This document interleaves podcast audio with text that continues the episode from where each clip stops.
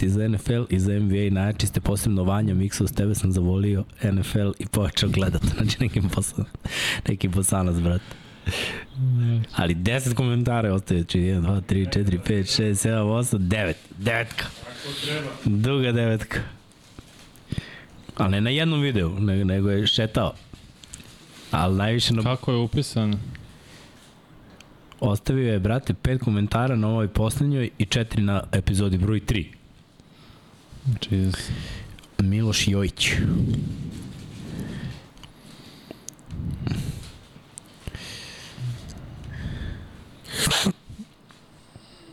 Ako može mali predlog na glavnoj stranici kanala, sortirajte play, playlistu da ide newest first, tako se lakše nađe poslednji epizod.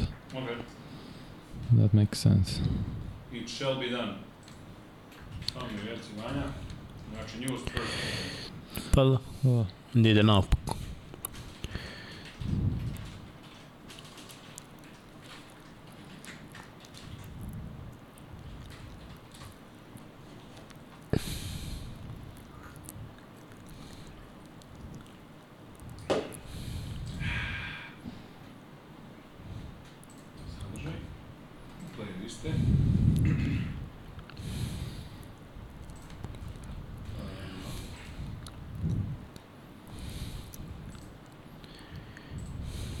Čekaj da govorimo ovom liku kada je podcast. Detalji. Ručno. Datum objavljivanja. Najnoviji. Rešeno. Hvala. Dan. I to ćemo uradimo sada za sve. Datum objavljivanja najnoviji. Pod karticom. Datum objavljivanja. Si vidio mail? Infinity. Ne. Ne mogu da uđem preko telefona na taj mail. Čekaj, Damene, ti to sredimo. Šta treba? Uh, Vanja Milićević, Sad- Infinity. Taj mail.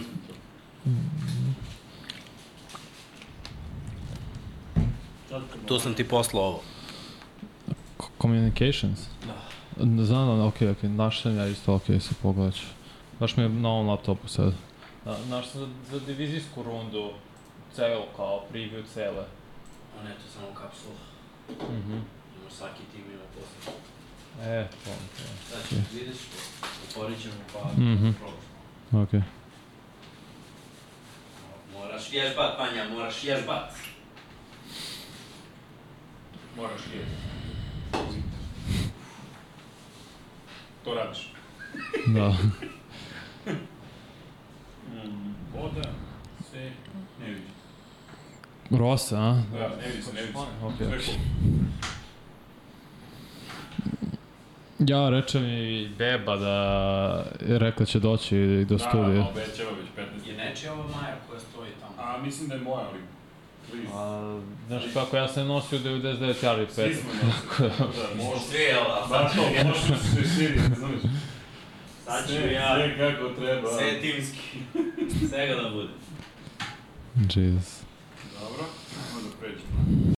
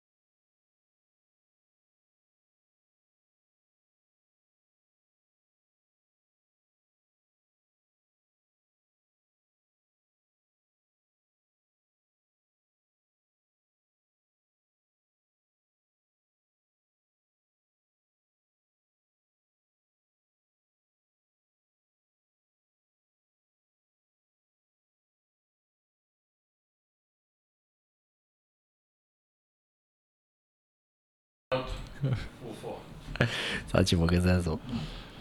Odlično, bre. Super, Ne. šta, hvala. Lep. A? Momče, Brate, odakle kreće? Kec, dvojka, trojka? Miks. To miks, to miks, to. Od miksa kreće, dobro?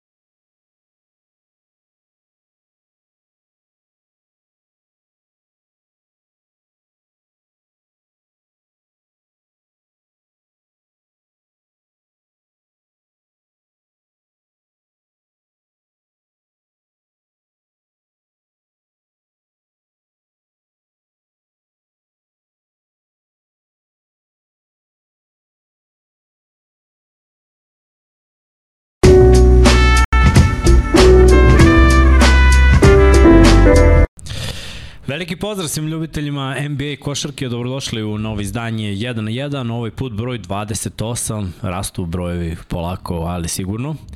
I eto taman prilike da se malo družimo, bilo je dosta pitanje, hoće li biti tokom leta, hoće li biti posle drafta, hoće li biti posle zeljone, bit će nego šta će i ne samo da ćemo danas da završimo ovaj recap sezone, nego već od petka, je tako vanja, od petka kreće free agency. Pa da, 30 i on kao neka. Tako da imamo onda čitavu, pa da kažemo, čitav spisak od bar 10 vrhunskih igrača koji mogu da nađu neku novu sredinu, neki baš ne žele da ostanu u staroj sredini, neki tradovi su već se desili, neke tradovi smo već ispratili, tako da pričat ćemo manje više o svemu. Prvo da vas pozdravim, nadam se da ste dobri, ovako kao i mi. Mislim, mi kada Vanja ne treba da se ugasi klima, ali nadam se. Uh, imamo promenu malo. Srđan je tu, ali ne veliki. Da, da. Mislim, i ovaj nije mali, a, ali Srđan je Više Erceg. od nas. Da. Tako da ne možemo mi realizaciju bez Srđana. To, Tu je- to tu je rekao, ekipa. To Jimmy rekao band srđan. Da, ne ja, dva Srđana. Dva Srđana. Dva Srđana, ovo ozbiljan bend. Tako da ljudi da vas pozdravim odmah, nadam se da ste dobri, kažem, lajkujte ako niste do sada, malo zavrtimo algoritam, subscribeujte se, jurimo tih 20, so 28.000 subscribera, nekako idu uz 28. epizodu. Koliko fali? Pa, fali, ali, ali ajde, nadamo se, nadamo se da će ovaj, to malo da se pojača, ne mora, ne mora danas, ali sledeće epizode u četvrtak, tako, znači imamo Jeste. ponedljak, utorak, sredu i pola četvrtka. Dakle, bilo bi. danas računaš kao... Mm? Pa dobro, već pola dana gotovo danas. A pa šta pola dana to? Pola ljudi sada uz, ustaje, njima tek počinje dan. Ovaj, sve u svemu, ovaj, nadam se, kažem da ste dobri, vreme je onako, nije, me, nije mi se svidalo za vikend, moram da priznam. Znaš da sam cele nedelje pravio plan kako ću i subotu i nedelju sunce, malo da, da, da pojačam ovu boju, malo plivanje, Da, malo voda. sa bojem, baš Ništa, je ma, brate, teško je. To stvarno. samo ovde kad nosimo ovu majicu Tampa Bay Buccaneersa ili Miami Hita ili Može, Atlanta Hawksa dobro. ili Dalje. pa ko još ima crveno i crno. Vardar. Atlanta Falcons. Pa da, i Falcons može. Kaže Srki Vardar. Vardar. Srki, ovo su američki, američki sportovi. Evo, Toronto, viš, evo da si tabre Toronto. gledao tebe. U moje vreme Toronto bio ljubičac, brate. Brate, ovo je dres iz 2001. šta hoćeš? Kažu, ako je Erceg, pozdrav za Srkija, nego šta, nego ćemo da pozdravimo Da. Srkija, da vidimo kakav je on, kad on klikće. Nikad me nije Srki snimao. Nikad nije radio realizaciju. Da? Što nismo izbacili hiljadu grafika. samo da ga malo, samo da ga malo. Srđane, može ovo? Klik. Sad ćemo ovo nešto da smislimo. Samo izbaciti. Uh, takođe, ljudi, uh, ako niste do sada se subscribe-ovali, možete da budete i naši članovi. Vidimo u jedan na jedan dosta momaka, za sada samo momaka koji imaju ovaj badge Infinity Lighthouse, što znači da su naši članovi. Budite svetioničari, podržite ekipu preko Patreona, da ovaj podcast bude nezavistan. Naravno da pozdravimo i naše sponzore, Admiral Bet, one su to od prve epizode, Tako od je. prvog dana, prate nas. Takođe bih da vas pozovem isto da osim subscribe-ovanja, osim Patreona, osim Lajka. lajka, čekirati nas shop ako želite u Tampa Bay, Buccaneers, Atlanta Falcons, Miami Čeka Heat iza ili... tebe, vidio, na Šta, nestrpljenju pokazuje? čeka. Je mi daje? Jedan, Je spremio, dva, je spremio, tri. Ovo nisi rekao, ovako drži. je sprema.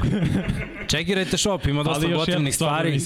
Nema jedan na jedan stvari, još uvek, ali će biti. Spremamo svašta. Srki je našao neke kineze za kačkete, tako da može da bude svašta. Šta je rekao, muljamo sa ambasadom Brazila. Znači, izjava Ika. Ovaj, imamo kape koje nam ne trebaju sada, imamo Lab 76 kačkete, oni kratki, oni mogu za leto, Može. ali ovaj, imamo maje. Majice imamo nizbus, tako da čekirajte shop ako niste do sada. Ima tu od svake boje da se nađe po nešto. I još A. jedna stvar nisi rekao. Nisam. Za pokrovitelji. Jesam. Jesi to rekao na početku? Rekao sam da budete pokrovitelji na Patreon. Znaš kako, promiču ti stvari, promiču ti stvari. A hoćeš komentator da budeš. Ja. Da, prvo. u prvi minus tamo. Dva minusa, ocena manje. Ili ko u kartama, četiri minusa, pa Uh, nemoj kartu. ništa, ovaj, ajde da kažemo, to i Srki, možemo pustimo ono Budi Human, da vas pozovem još nešto da uradite, da, da pomognemo Jovani.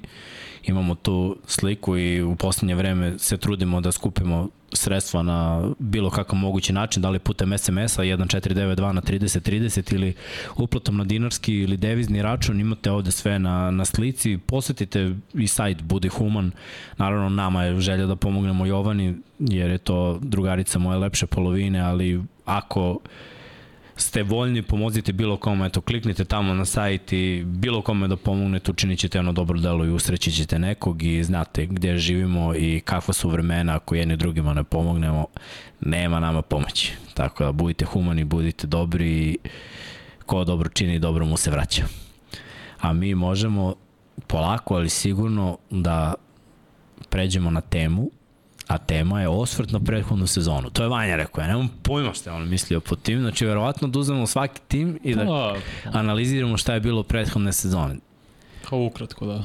Ja, ono, osvrtnemo se na pitanje da, imamo, da li ima neko specifično, tipa, ne znam, dosta stvari se dešavalo ove sezone. Jedna prva stvar koja mi pada na pamet jeste LeBron James što je borio rekord Karima Abdul-Jabara za najviše postignutih poena u regularnom delu sezone. To iskreno, ja, ja sam mislio da to nikad neću vidjeti da neki igrač uradi, tako da je to bilo spektakularno.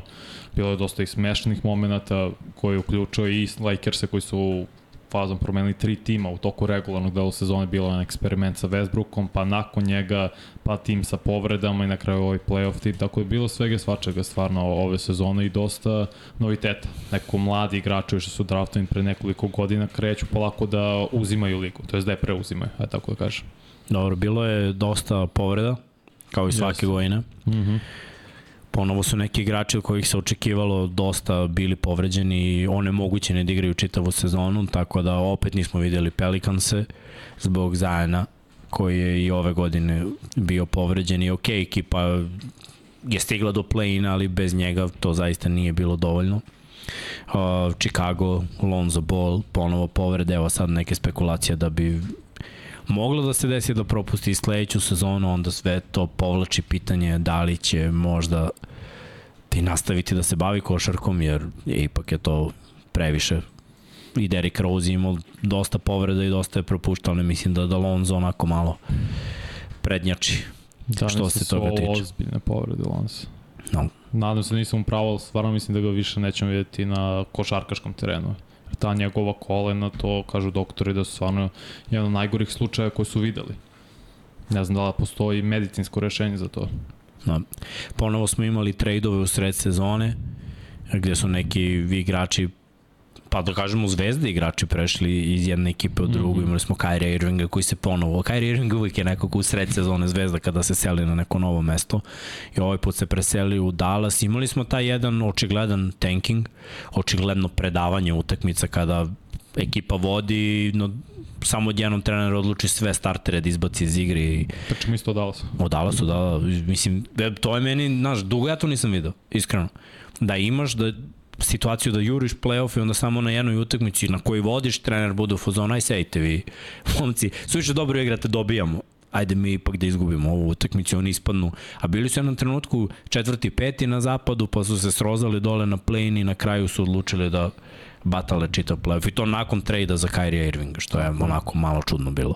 I opet sad povlačimo to neko pitanje ajde da kažemo neuspešna sezona za Dallas prethodne godine nakon mnogo uspešnije pre Mhm. dve sezone i sada za budućnost šta će biti ja pojma nemam ali nekako nemam ni predstavu Znaš, ne, ni gde to može da ode, ni, ni da li se nastavlja sa ovim Luka, Kairi i još neko ili... To mislim da se nastavlja, nema Dallas šta da izgubi u smislu dali su toliko za Kairija i igrača i resursa da moraju da ga vrate. Ne verujem da će biti možda nužno maks ugovor, možda nešto manje od toga, ali moraju da ga vrate i lepo su odradili draft kao što smo rekli u petak. Sviđa mi se potezi koji su povukli maltene iz jednog pika i Bertansa stvorili dva pika u prvoj rundi i Richard Holmes ovog centra i Sacramento, tako da dobar tim za sad napravio, formio već šta će još da uradi sem toga što bi trebali da potpišu Kairija, a nek, još jedna veća zvezda od njega je zapravo koji je otišao je takođe Kevin Durant, isto bio tradovan ponovo ovog puta iz Brooklyn Nets u Phoenix Suns. I neko to učinio Phoenix da. Odmah favorit. Pa dobro, mislim, ušli su u playoff, bilo je, mislim, znaš, da se nije povredio Chris Paul, možda bi bilo zanimljivije, ali naletili su na Denver, to im nije išlo na ruku, ipak mm. je Mhm. Denver ekipa koja je ove godine od, odradila sve kako je trebalo. Delovalo u jednom trenutku da, da će ti drugi igrači, osim Nikola Jokića, da popuste možda, kao i svake godine, ali ova je bila baš njihova, rešili su i osvojili na kraju, tako da on Phoenix nije baš naleteo na, na pravi deo kostora, aj tako da kažemo. Ali opet Durant, budućnost, ja sam pročitao danas svest da on njima ne pada na pamet da traduju Deandre Aytona, Da, to će biti zabavno vidjeti. što je baš zabavno, jer njih četvorica su već probili cap, mislim, ko će još da igra? Nisu probili cap, robili su cap sa porezom. Da, da, Znači, oni su njih četvorica vuku 163 63, miliona, da. a cap je 136 miliona. da, da. Tako, ne znam koga će potpisati kako, iskreno. Mislim, ako ovaj Burazer stvarno ima nameru da toliko plaća taj porez na luksuz i oni ne osvoje, pravo pitanje je šta dalje, mislim. Dobro, ovo može da traje pola sezone, čisto da vide da li ide ili ne, ali ajde da kažemo da Phoenix isto nije opravdao tu neku, tu neku ulogu. Pa, Golden mislim, State nije, ajde krenemo od toga, tu je bio i skandal kada je Draymond, Draymond. Green, da, skandal je otvorio Mm, jedno pesničenje na početku sezone, nakon toga loša hemija u ekipi, Pool do kraja sezone, ne znam, kao da je bio u nekom revoltu, kao neki nadureni klinac. sa pravom. Ost- ostatak ekipe nije odradio dobar posao kao što su to odradili prethodne šampionske sezone i opet se sada postavlja pitanje, evo sad su napravili trade, doveli su Krisa Pola, dali su Jordana Pula, dosta, znaš za neke ekipe onako baš čudni potez iz sezone u sezonu. Pa dobro, jesu čudni potez. Ja i dalje mislim, to jest i dalje mi se ne sviđa potez Chris Paul u Golden State Warriors, pogotovo kad vidiš ostali timovi su sve veći i veći u smislu, pogledamo startnu petorku Denvera, pogledamo startnu petorku sad i Phoenix Sunsa, mislim Minnesota, ne znam koga bi još trebao da uzem primjer, naravno Boston Celticsa, svi oni postaju veći i veći.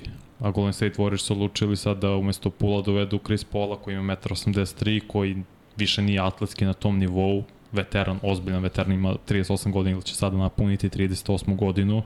Ništa protiv toga, Srki, što se tiče godina, ali u sportskom svetu to je mnogo veliki broj. Zaista dali si mladog Jordan Pula koji beleži 20 poena po, se, po meču, koji tre, nije ni ušao u svoj neki prime, samo da bi olakšao sebi cap situaciju, zapravo.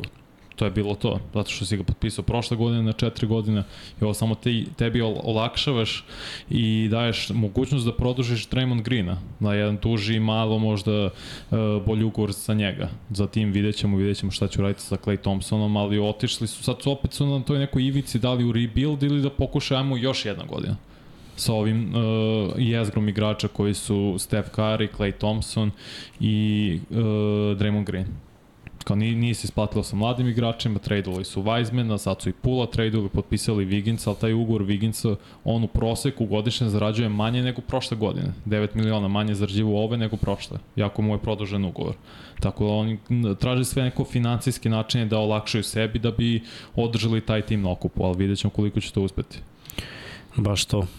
Ali dobro, imaju još uvek neki prozor, mislim još uvek postoji neka šansa da, da budu relevantni.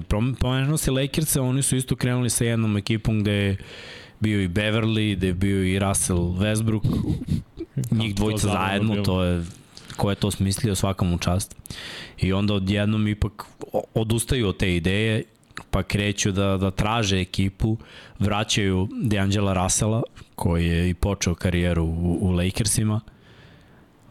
Reeves je bio apsolutni pogodak, Hachimura takođe, sklopili su nekako ekipu, stigli do finala zapada. Anthony Davis je bio zdrav i, i to je važna stvar. LeBron je propustio dosta utakmica. Pa dobro, Bojić su propustili u regularnom delu sezona no. po 26-27 utakmica, kao tako gledam, ali su bili zdravi u play-offu i LeBron je igrao povređen u play-offu. Neko nikad nije bio na svom nivou nakon što je oborio rekord od Karima Abdul-Jabara, delovo, on je sam rekao par navrata redom kad je doskočio na baš zglobu od Anthony Davis, je čuo da je nešto puklo. Sad, šta je njemu zapravo problem uz globu, to ne znamo i, te, pri, i, i spekulisalo se da bi trebalo i operacija da ima, još nije to odrađeno i makar nije odrađeno da mi znamo, nigde se tome ne piše, Vid, vidimo ga po Francusku i imao je i bio i na Le Manu za 100 godina i sve, Ali Lakers i ono, izvukli su maksimum. Kad se setim te petorke sa Westbrookom i Beverly i onim forama, Beverly baš proti Boston Celticsa kad nije suđen faul Lebronu, ono kad je bio mm, čist udarac. Čist, čist. Pet, Sramot. Patrick Beverly uzima kamer, od, ka, od, ka, kamer, da. od i pokazuje sudi, mislim, to je presmeštano. Naravno, dobio tehničku za to, ali to su neki momenti koji su obeležili sezonu. Jesu, jesu, to je baš bilo komično. Ali to ide uz Beverly. Pa. Gledao sam ga bio kod Kevina Harta u onom Cold as Balls. znači, oplako sam. Prozivali su i batili trash tog jedan drugom. A dobro, to je Kevin Hart. Ma dobro je Beverly. Ja Beverly je gotivim, on je baš radnik. Zna svoju ulogu, jednostavno nije tip igrača da bude tu uz Lebrona. Meni se sviđalo mnogo ona ekipa Clippersa kad je bio tu i Teo, kada, kada su bili i oni, Lou Williams ovde. To, to je bila njih dvojica na konferenciji za štampu kad odgovor na pitanje kao zašto niste čuvali Kevina Duranta kao brate, pa to je Kevin Durant. kao, obećavam, probali smo. A, 50, da. Ne, tad je bio, tad je bio baš u fokusu snajperista. Ajmo na druge ekipe. Veliko iznenađenje i povratak u playoff posle pite Boga koliko za Sacramento Kings. Od 2006. da. Da, 15 godina i više. Viš. Ali ajde da kažemo da oni nisu videli neke uspehe od one zlatne generacije onog tima, u stvari Stojaković, da. Divac, Weber. Bibi, pa, Kristi, da. tako. Ta, ta ekipa je baš bila ozbiljna, nakon toga su pokušavali nešto, ništa se nije desilo. Ova ekipa stigla do 48 pobjeda, ušli su u playoff kao treći seed, što je isto bilo wow. Im je najviši plasman na zapadu od 2003. kad su bili da, drugi seed. To je, to, eto, skoro. to je 20 godina. Da. Pritom, ekipa nekako igra lepo, malo neiskustva, malo srljanja, treba reći, dobra taktika pre svega Golden State Warriorsa da puste Sabonisa, da mu ostave tu polu distancu koju on nije uspeo da reši, da je to rešavao, eto to je neki segment igre koji on može da unapredi, jer ako to bude pogađao, bit će jako teško čuvati ga dobro igra pick and roll, završava sve što je blizu koša, ali eto, oni su se odlučili na jednu odbranu koja je funkcionisala. Uh, Aaron Fox je baš izrastao u ozbiljnog playmakera, tako da sve pohvali Divcu koji je video to da gradi tim oko njega. Bilo je, znaš onako, u jednom trenutku svi smo dovodili u pitanje odluku da se ne ide na Luku Dončića, ok, taj pik te godine Bio Marvin Bagley. Bagley, da, koji, ali dobro, to je propalo, ali znaš šta, nije biro verao u Dearona Foxa. A dobro, ne možda kaže da ne bi Fox i, Lu, i Luka mogli zajedno da igraju. Nisam siguran da bi mogli da igraju zajedno. Uh, mislim da bi bilo bolje da neki, da mislim da bi da da mislim da bi bilo bolje da Luka bude tamo naravno i da bude sam i da bira igrače koji mu više leže jer Fox kao brzalica mora da ima loptu u svojim rukama, a Luka sa svojim ritmom mora da ima loptu u svojim rukama i ono, nisu baš kompatibilni. Ali, pazi, De'Aaron Fox je mnogo popravio šut. On je bio klasičan Russell Westbrook kad je ušao. Eksplozivan, uh, brz, divalj, i šut mu je bio loš. Sada ima šut. I to prilično dobar šut. Pa postigo najviše poena, ono, klač poena u NBA u prethodnom delu, to je u regularnom delu sezone, prvi put All-Star igrač, Sabonis i on su bili tandem iz Sacramento koji su išli na All-Star, igraju su lepo košarku, nego su prosto naletali na iskusni veteranski tim, kog nisu znali da reše. Da. Najprijatnije iznenađenje, stvarno. Baš mi je bilo mm. lepo da gledam Sacramento. Iskreno. I ekipa koja je okolo, I žao mi je što eto, nije se poklopilo ono kad su Bogdan i Bjelica bili u Sakramentu, jer je malte ne slična neka ekipa. Barnes kada je došao, koji je dalje tu, da, da. on je malo pokvario hemiju i istisnuo Bjelicu iz, iz rotacije. Da, dobro, si bolje igrač i tu je došao na kraju, to je došao i Huerter, Malik Monk isto se pronašao u toj rotaciji kao neka vrsta šestog igrača, nekad i starter, draftovali su Keegan Mare koji igra vrlo dobro, dobro Devin Mitchell takođe koji je ono pitbull, malte ne čuva uvek najbolje bekove kad je na terenu, tako da imaju dobro spoj mladog talenta i opet nekog e, veteranskog prisustva, plus koliko sam čuo Jurić je Draymond Greena sad kad, se, kad pa da. je otvoreno. To, to je priča. Pitanje za tebe, da li su oni najprijatnije iznenađenje na zapadu? Ako pogledamo sve ekipe na zapadu trenutno, Dobro. Da li je Sacramento prethodne sezone, ako se osvrnemo i pogledamo, najprijatnije iznenađenje u NBA-u? Jeste, apsolutno. Niko nije predvideo ja. da će Sacramento možda čak i ući play-off, ne je, biti a ne, treći nosilac. A borili su se i, i za drugi, da. Borili ne, mislim i za play-off da idu dalje, ali borili su se da budu drugi sik do jednom trenutku. Jer smo mi svi videli da će Memphis bez Morenta koji je bio suspendovan da gubi utakmicu, mm. ali oni su ipak dobijali svoje utakmice, tako da tri pobede više su na kraju imali od, Sakramenta. Uh, pričali smo o Phoenixu, ajde od Memphisu, ajde kad smo se već njih dotakli, oni su bili drugi sid na zapadu. Uh, njihova sezona nekako isto kroz povrede i skandale, ta, tako je vidim. Turbulent. Krenemo od uh, sezone koja je dobro počela, igrali su lepo, Jamorant uh, živi highlight, dečko trči, skače, kuca, preskače ljude, nova zvezda, patike na pomolu, uh, klinci bi da budu Jamorant i onda striptease klub, pištolji, uh, drugari, sumnjivi drugari i tako dalje, pa onda opomena, pa onda suspenzija, pa onda neću više nikad majke mi. I, I onda opet. Neverovatno, brate. Ne, meni je, vazi, utisak Memphis, a žao mi je, zato što imaju dobri igrače. Ajde da kažemo da, da je Bane je se tu izrastao u igrača koji može da pogodi šut, da preuzme odgovornost, da imaju Jerana Jacksona koji je defanzivni igrač godine, sjajno je Tako igrao, uh, bukvalno od njega može da računaš na dve, tri blokade po utakmici i 10 plus skokova i 10 plus poena, baš je ono mašina bili su povređeni, Clark se povredio tamo pri kraju sezone, Adams je bio povređen Isto, takođe, da. uh, Dori Morent je bio povređen jedno vreme, ali toliko turbulencija, toliko nekih gluposti van terena i oni opet 50 pobeda. I evo sada Morent ima, kao što smo već rekli, do, dobio je kaznu koja je otprilike, da kažemo, nije 100% da će biti samo 25, ali Minimum stoji da je 25 utakmica kazne na početku nove sezone i onda kad se osvrnem ne mogu se otmem utisku da su mogli bolje. Opet u play-offu protiv Lakersa mnogo priče, malo akcije. I to je, to je nešto što, što mi mnogo smeta kod ove nove generacije. Pa dobro, i na kraju to je i predvodio Dylan Brooks koji imao dobru sezonu u regularnom delu i beleži 14 poena i igrao solidnu odbranu. Neko je bio on, on osoba protiv koje mrziš da igraš, a voliš da ti je saigrač. Kao ne, nešto slično Draymond Greenu, ali na kraju previše negativne medijske pažnje za njih i onda su oni sami sebe nazvali mi smo zlikovci NBA-a, nas niko ne goti, mediji, ovo ono. I okay, ako ćeš to da budeš, moraš i na terenu da pokažeš. I pokazali su u par momenta u play-offu protiv Lakersa, ali prosto i na kraju su i njih povrede stigla. Brandon Clark, kao što se mm. rekao, Steven Adams, su dva prvo to je A trebali su tamo, centar. da, trebali su, mislim, nije Jaren Jackson igrao loše, nego je samo Anthony Davis u tim nekim utakmicama izdominirao, jer nije, trebalo je malo rotacije, trebalo je malo da da, da, da se odmori Jaren Jackson, da neko Tako. istruši Davisa, jer ni Lakersi baš nisu imali iza Davisa nekog centra. Ali dobro, desilo se pa, pa se desilo. Pa evo sad su doveli, to jest tradeovali su za Marku Smarta. Zanimljivo da do, dosta ljudi porede njih, makar sam ja to uočio, sa Tony Allenom. Obojica igrali u Bostonu, igrali finale sa Bostonom, obojica prvi defanzivna, prva defanzivna petorka, obojica imaju 29 godina kad su došli u Memphis, mogu da čuju maltene sve od 1 do 3 ima nekih paralela tu i sviđa mi se poređenje nekako tamo, nadam se da će Marko Smart malo opometi taj tim u Steven Adamsa, to veteransko prisustvo jednog i drugog na drugačije načine. Smart se baš istakao kao dobar igrač u ovom play-offu i preuzeo Mhm. odgovornost mm -hmm. mnogo puta kada nije bilo očekivano da to Pa, uradi. I po i broju srce poena, po broju poena, znaš, da on daje 20 po tekmi, to baš nismo videli u play-offu pored živog Browna i Tatuma. Ali dobro, sad Boston ide u nekom drugom smeru, biće zanimljivo. Ali onako, ajde, ajde da oc- ocenjujemo.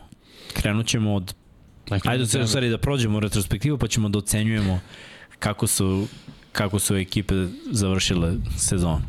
Ajde.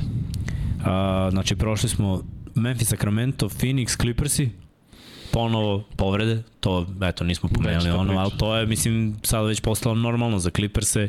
Kawhi vidiš ga, vratio se, igra dobro Igra brutalno. i, i onda da, bukvalno igra brutalno, čovjek je terminator i odjednom pa povreda nema ga. Paul George opet povreda, nema ni njega. Njih dvojica dovedeni da budu tandem, da prave razliku, ali nikako da se desi da budu zajedno na terenu. Više od 20 tekmi. Da, ba, obojci su igrali, Kava igra 52 utakmicu u regularnom delu, Paul George 56, ali i to sve neke čudne povrede. Ali zajedno nisu igrali mnogo. Nisu uopšte. Odudarali. Tako je. To je Uopšte, problem. Sve čudne povrede, kao Paul George se povredio ono, sredinom ili krajem marta, nezgodno stao na skoku, mislim, samo mu je stao sa ispruženim nogom kompletno, povredio koleno Kavaji u jednom momentu, u drugom meču protiv Phoenixa, ne znam kako, ne znam kad se desilo to, samo mu je pokidao meniskus. Uopšte nisam vidio, uočio u meču moment kad se to desilo.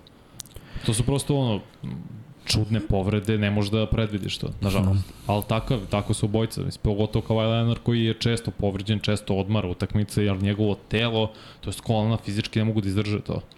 Šta ćemo sa ostatkom ekipe? Oni su izrasli malo, treba to reći. Mislim, držali su se u play-offu, bilo je zanimljivo. Pravi potez dovođenje Razela Westbrooka, a? Pogodak, da. Baš je bio pogodak i mislim, vodio je ekipu kroz play-off kao da je shvatio da, da je njegov moment da kažemo da imaju, tu je Zubac, on je zacementiran ga kao centar i mm Mm -hmm. -hmm. solidno da ne kažem, odlično radi svoj posao. Norman Powell isto, back Da. shooter uglavnom s klupe, kada ova dvojica su povređeni, igra starter, ima i svoje momente i onda je prosto eksplodira, jer je klasičan košarkaš, basketaš. košgetar i možda eksplodiraš za 30-40 poena, ali češće je hladan, kao špriter u smislu on da nekih 15, a šutne 15 puta da bi dao tih 15 poena, na primjer. Tako da imaju oni, Terence Mann je bio njihov igrač, ono, Eric Gordon isto imao dobre momente, mm. Reggie Jackson pre trejda, to je sve skup dobri veteranskih i, i, igrača, ali nemaš tu nekog mladog talenta, jer da. su oni dalje all in. Oni se baš sad. oslanjaju na Kavaje i George, ali nikako da se desi. To je po meni najveći problem. Tvoje mišljenje, njih dvojica ostaju i ovu sezonu koja ide? Tamo, ja mislim da će ostati do pola sezone Paul George. I ako ne bude išlo, mislim da će ga tradovati. To sam nešto spominjao i vidim stvarno Nixe ili Portland. Portland je veliki znak pitanja, možemo njih da se nadovežemo posle jer njima treba krilo, treba im neki igrač uz Lillarda, a s druge strane Nixima treba prosto krilo nalik Paul Georgeu, da, jer oni su rekao. niska ekipa. Sviđa mi se to, to, ako se to desi, stvarno svaka čast. A dobro si vidio, nije mi to palo na pamet. Da. Ja, tako da se nadam da će ostati makar pola sezone Kawhi Leonard i Paul George, da su zdravi, jer ne znam sad ko je što bi rekli timeline, ko, koliko vremena treba Kawhi Leonardu se vrati sa pokidanih sa pokidanog meniskusa. Ti si Ma, rekao je to nekoliko je meseci. Ma da. A za njega ne znam da li to nekoliko meseci, to je problem. Imao je operaciju, sve je prošlo ok, ja ne znam sad do oktobra da li će on biti spreman za početak regularnog dela. Samo zato što je ono pitanje. Da, da, vidjet ćemo, jeste injury prone. O Warriorsima smo pričali, Lakersima smo pričali, Minnesota, Ušli su u playoff na kraju, 42-40 je bio njihov skor. Izgubili su od, od Denvera, ali ovako generalno gledano šta je utisak njihove sezone. Napravili su i oni trade da su doveli uh, Rudija Gobera i Majka Conleya. Mm -hmm. To je nekako dalo ekipi odbranu i neke poene. Edwards definitivno broj 1 u ovoj ekipi, alfa, super zdač.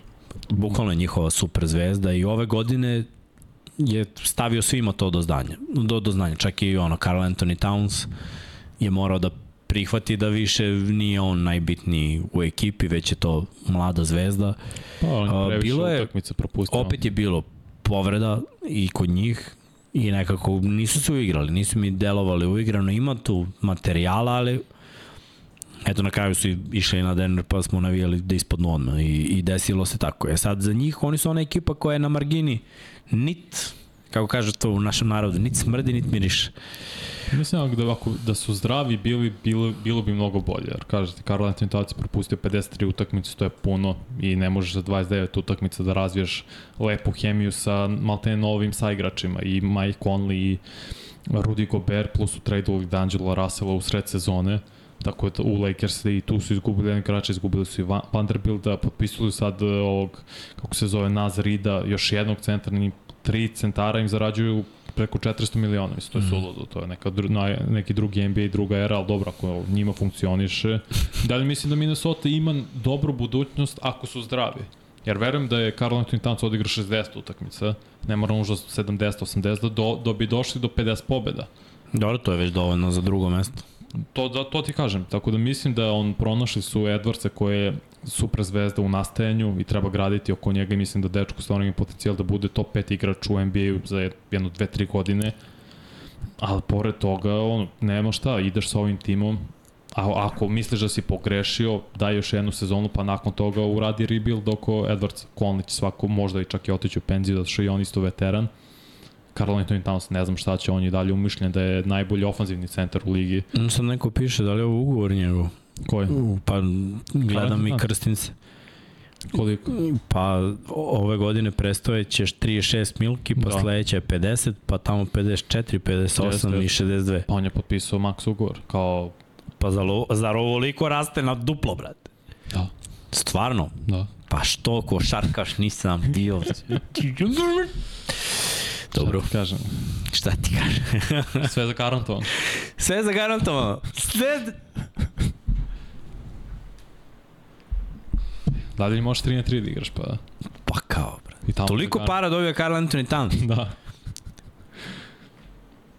Ugovori njega, Gobera i Rida su sve ukupno oko 443 miliona. Da, da, to kapiram, ali mislio sam da mu svake godine do 50, a ne da ide preko 60. Pa dobro, pa... Ne plaćeni bre od Mahomesa.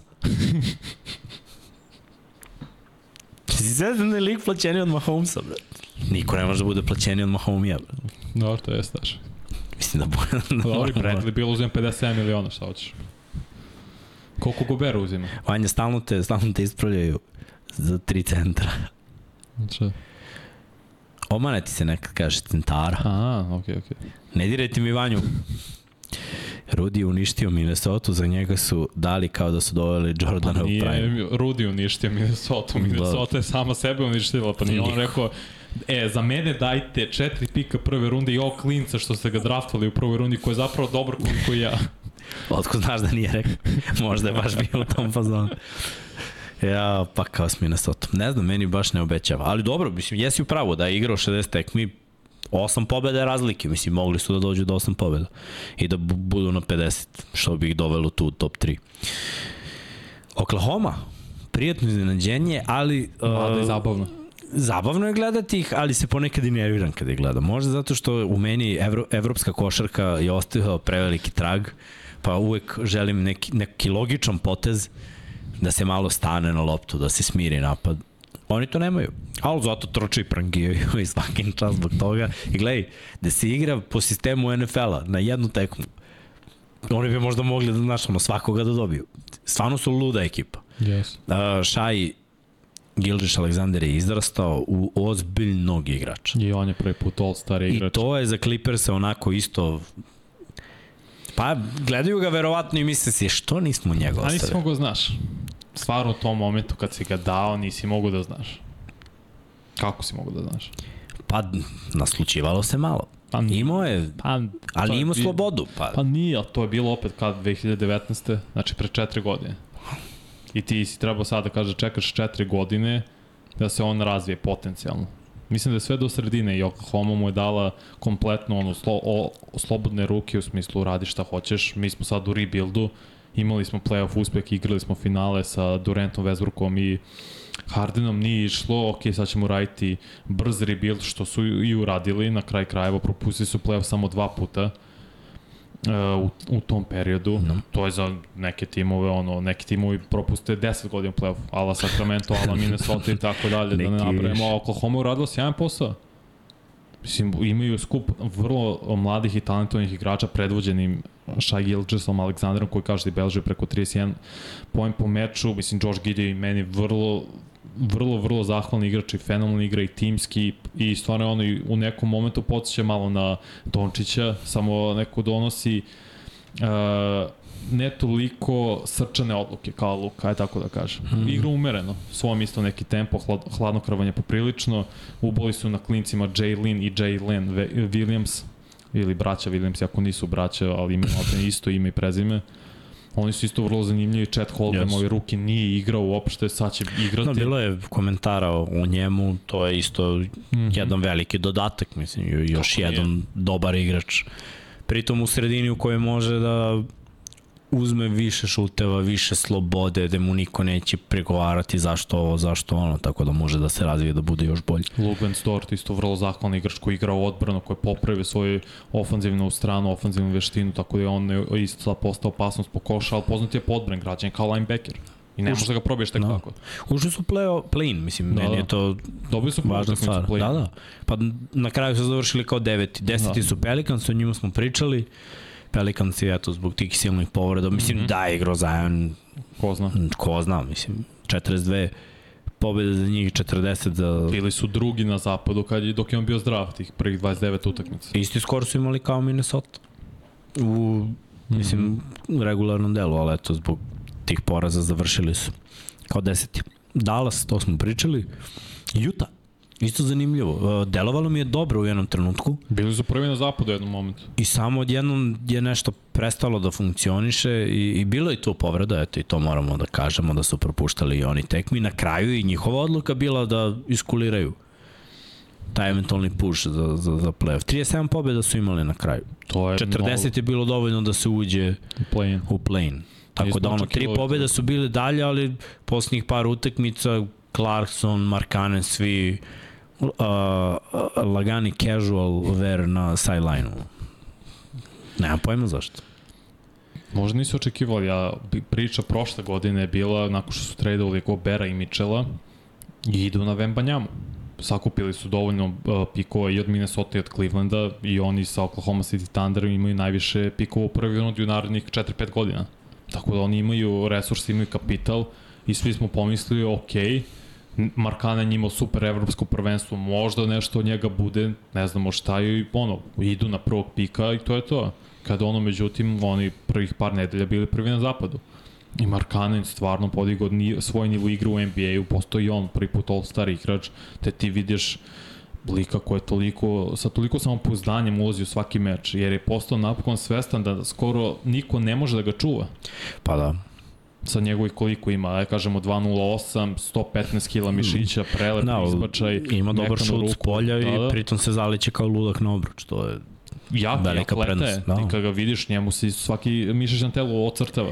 ludi viking. Da, da. Tako da je to baš bilo pozitivno gledati iz, iz tog aspekta i, tu i Walker Kessler kao ruki centar. Mm, on je iznenađenje da, baš. da, da, i dobar skakač, fenomenalno blokira Njih dvojica šuteve. su baš kompatibilni. Jer Da. Lauri može više da igra s Stretch. polja, ali Mhm. opet može da pomogne u odbrani pod uh, obručima. Lepo, lepo su sklopili. Mislim, zato mi je čudno, u jednom trenutku baš sam očekivao da će oni da se uguraju to nekako. Za Dala sam isto mislio da, da oni definitivno idu u playoff, pa su me onda baš iznenadili. Portland je potonuo 33 pobjede samo i sve te priče, imali smo i ovde komentare šta je s Lillardom, šta će biti s Lillardom. Ja mislim da je najbolje da Lillard ode. Iskreno. I ovaj... A Mislim da on neće da traži trade da ne bi ispao uh, negativac ovoj priči. Da on ne, želi da ide, ali ne želi da traži trade. I on želi da Portland njega pozove i bude u fazonu, i oni budu u fazonu, ok, spremni smo da te tradujemo, nismo našli adekvatnu ponudu za trećeg pika, na kraju smo izabrali Scott Hendersona, on je budućnost, on, Shaden Sharp, uh, Aferni Simons isto, ili Simons zapravo, Tako da nisu našli ponudu i mislim samo da Lillard ne, ne, nikomu neće zameriti ako bude tražio trade. Pa ja mu ne bi zamerio stvarno, jer godinama je tu, dao sve od sebe. Bukvalno. Da, dve generacije je prošao sa tom ekipom. Tako je. I ništa se nije desilo. Mislim, nekad je najbolje da promeniš sredinu i da probaš negde drugde. Niko... Ja bih volao da ga vidimo u Majamiju. Mm -hmm. Naročito sada kad je ova promena se desila u Bostonu, ja očekujem promenu i u Milvokiju. Mislim da će Milton da ode negde da pokuša da on bude broj 1 u nekoj ekipi. To je sulud. Dobro, svako ima svoje ambicije. Ima. Čovjek uzo pare, uzo prsta, što ne bude i broj 1. Nek proba, ali to je baš... Možda da kažeš posle kad pričaš unucima, ja sam moje vreme. Dobro, Milwaukee možda je čak i čeka obnova čitavog tima i Brook Lopez je slobodan agent kao i on. Ne znamo šta Svašta će tu može da se desi. Zato kažem, mm -hmm. Lillard u Miami, neko je to neko je to stavio onako kao najbolji scenarij, ne mogu setim kod ovih američkih analitičara, ali... Mi smo to stavili. Dobro, ja što stavimo to, amin, ali... Neko, neko je baš pisao o tome da baš, baš ima smisla i za jedne i za druge. E, sad me zanima da li će se to desiti. Uh, osim toga, od Portlanda apsolutno ništa ne očekujem. Mislim da su oni u rebuildu i da će to potrati neko vreme dok se ove ekipe veteranske ne penzionišu po zapadu, a ima ih nekoliko, pa eto, oni neka čekaju bolje dane. Oni, Houston i San Antonio su bukvalno u toj fazi da im treba, po mom mišljenju, dve, tri godine da se nešto desi. Znači, prehodna sezona, ti kad pogledaš Houston i, i San Antonio, nije bilo dobro. Znači, to je 22 pobjede jedni i drugi. Nije dobro, ti pronalaziš neke igrače, nemaš neki sistem igre. Kulturu. Imaš neke igrače i sada, sada menjaš. Ajde, San Antonio sa prvim pikom na draftu, Vembi, ajde pričamo o tom u stvari predstavljao se medijima tamo malo prangio s polu distance, ne baš uspešno. Ali dobro, mislim. Izašao dečko, verovatno su ga ismarali, ono, mrtav umoran da, da se obuči i da uzme malo da šutira. Nije to bio, nije to bio trening, pravi trening, mislim Maja. da mislim radio sam neke njegove utakmice, dosta je bolji šuter od toga, ali uh, nije on šuter polu distance koji je dosta šutiran na tom predstavljanju.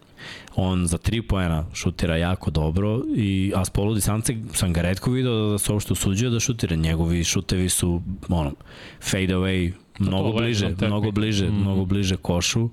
Naravno blokade, po tome što onim ručerdama uopšte ne čudi.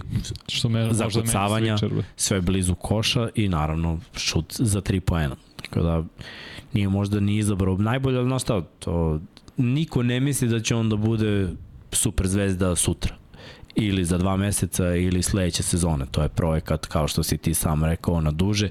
Imali smo pitanje isto da li, neko, da, da li mi mislimo da on stvarno može da igra peticu. Ne mislim da može, po meni je suviše tanak, ali sigurno će igrati peticu u nekim trenucijama, mora. Pa nije Anthony je, Davis ne želi da igra peticom i to od uvek rekao, čak ima bolje telo sada od Vempanjame. Ali on je bio tanan kad je ušao. Jeste. Isto. Znači to, mišići se nabacuju, to je trening, to je ishrana. Jedan trener ti je na jednom uhu, nutricionista na, na drugom, a guraju ti samo da jedeš. I na kraju staviš piletinu u blender i piješ hranu. ne, nema druge. O, mora se nagojiš. Ali opet imaju po meni jedan i drugi dve, tri godine Houston je pričao se o tome, sad imaju Doka je tamo i oni su sklopili ok ekipu, imaju dosta talentovanih klinaca, ali dosta. treba, treba tu da se uspostavi sistem i opet uh, treba malo da se raščisti ovaj talent na zapadu, jer ima talenta. Mi smo, kad smo nabrajali ove prve ekipe, Denver ostavljamo za kraj, samo se razumemo, jer Denver šampion i po mom mišljenju Denver ništa ne treba da menja, znači njihova sezona je bila bukvalno savršena a ove ekipe na dnu stvarno moraju mnogo toga da menja, ali nije ni pametno menjati sve sad i odmah. Pa ne, samo trebaš sad da napraviš jezgrom mladih, talentovnih igrača oko kojih možeš da gradiš. Evo tebe da pitam. Uh mhm. -huh. Lakers i Golden State, Clippers i Phoenix, četiri ekipe na zapadu. Evo Dala se već raštrkao. Četiri ekipe na, na zapadu neće ostati u, u ovakvim sastavima dve godine za neke će se igrače verovatno i penzionisati u sledeće dve, tri. Pa dobro, da računamo da će LeBron da se penzioniše u sledeće dve, tri, Draymond, mm -hmm. Steph i Clay neće biti na nivou ovom na kom su sada za dve, tri godine. To, to je zakon, mislim, stariš i ne možeš da igraš više na visokom nivou. Možda će Steph da ostane na visokom nivou, ali Draymond i, i Clay Thompson sumnjam. Uh, za Phoenix i Durant nije mlađi, sve je stariji i stariji. I oni će morati, Ejton će verovatno da ide ako oni ne urade ništa. I onda oni opet idu sa Bukerom i Billom, znači napravit će, pa opet i oni idu u nek, nek, neku fazu rebuilda. Šta je pitanje? Pitanje je da, da, da li Houston i San Antonio, pa čak i Portland, da gurnemo tu u ceo koš, Dobro.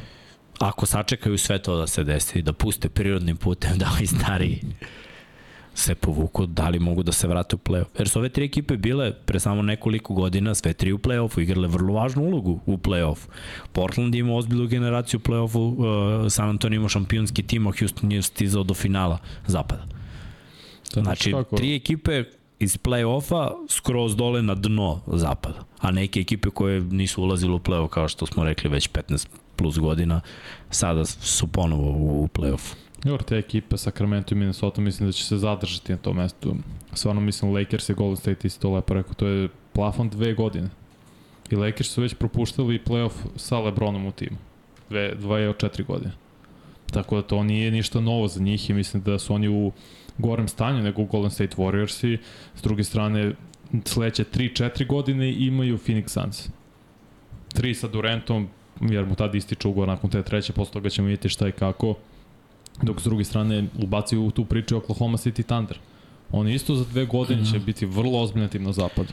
Mislim ja tako. Pretendent za naslov pored Denvera, pored, ne znam, Memphis ako se opameti Jamorant, ako ostane zdrav, Zion Williamson i ovaj Pelicansi, Minnesota ću isto tu ubaciti kao neki osrednji tim u smislu između pozicije 4 i 6, dok Houston i uh, San Antonio samo treba da provale oko koga da grade. Ovi znaju, gradit će oko Vembanjama, igraće na početku 4, da li mogu da okupe dovoljno talenta oko njega za prvih par godina, to je znak pitanja, dok Houston ima sav talent, maltene na svakoj poziciji, sad su draftali Thompsona i imaju Jalen Greena, imaju i sad su draftali naravno i Vitmora iz Villanove, Jabari Smitha su draftali prošle godine, Šengun je na centru, oni imaju na svakoj poziciji mladi projekat koji je pokazao potencijal i sad ti samo treba provališ kako da sastaviš tim ko ne možeš sve da zadržiš, to prvo.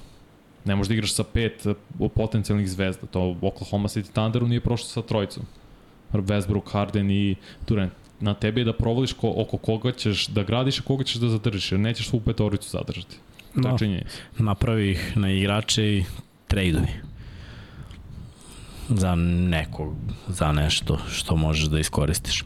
Dobro, ajde da kažemo, to, je- to je bilo zapad, idemo na Denver.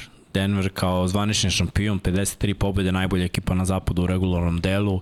Sklopile su se kockice, uh, Mike Malone je stvarno imao dobru rotaciju. Neki momci koji nisu ulazi, ulazili u play-offu, ljudi, sad ja verujem da mnogi nisu gledali regularno deo sezone, znam da je to trend u NBA-u da se pusti samo play-off i da se gleda ali je rotacija bila 8-9 igrača za play-offa, mnogi su ulazili u toku regularnog dela sezone. Čančar je imao jednu bitnu ulogu u regularnom delu sezone, imao je utakmicu po 20 poena, radio je posao.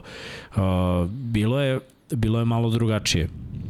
Uh, takođe, nekako najveće pitanje za Denver mi je bilo da li će Jamal Murray da se vrati u staru formu, vratio se u play-offu, bio je smireniji, Jokić još jedna senzacionalna sezona, pokraden po mom mišljenju za MVP-a, ali bio je MVP finala, MVP finala zapada, uh, osvojio je prsten, tako da još jedan igrač tu uz Janisa koji je uspeo u ekipi u kojoj je draftovan, da gura godinama, da bude ono kritikovan i da na kraju dođe do prstena.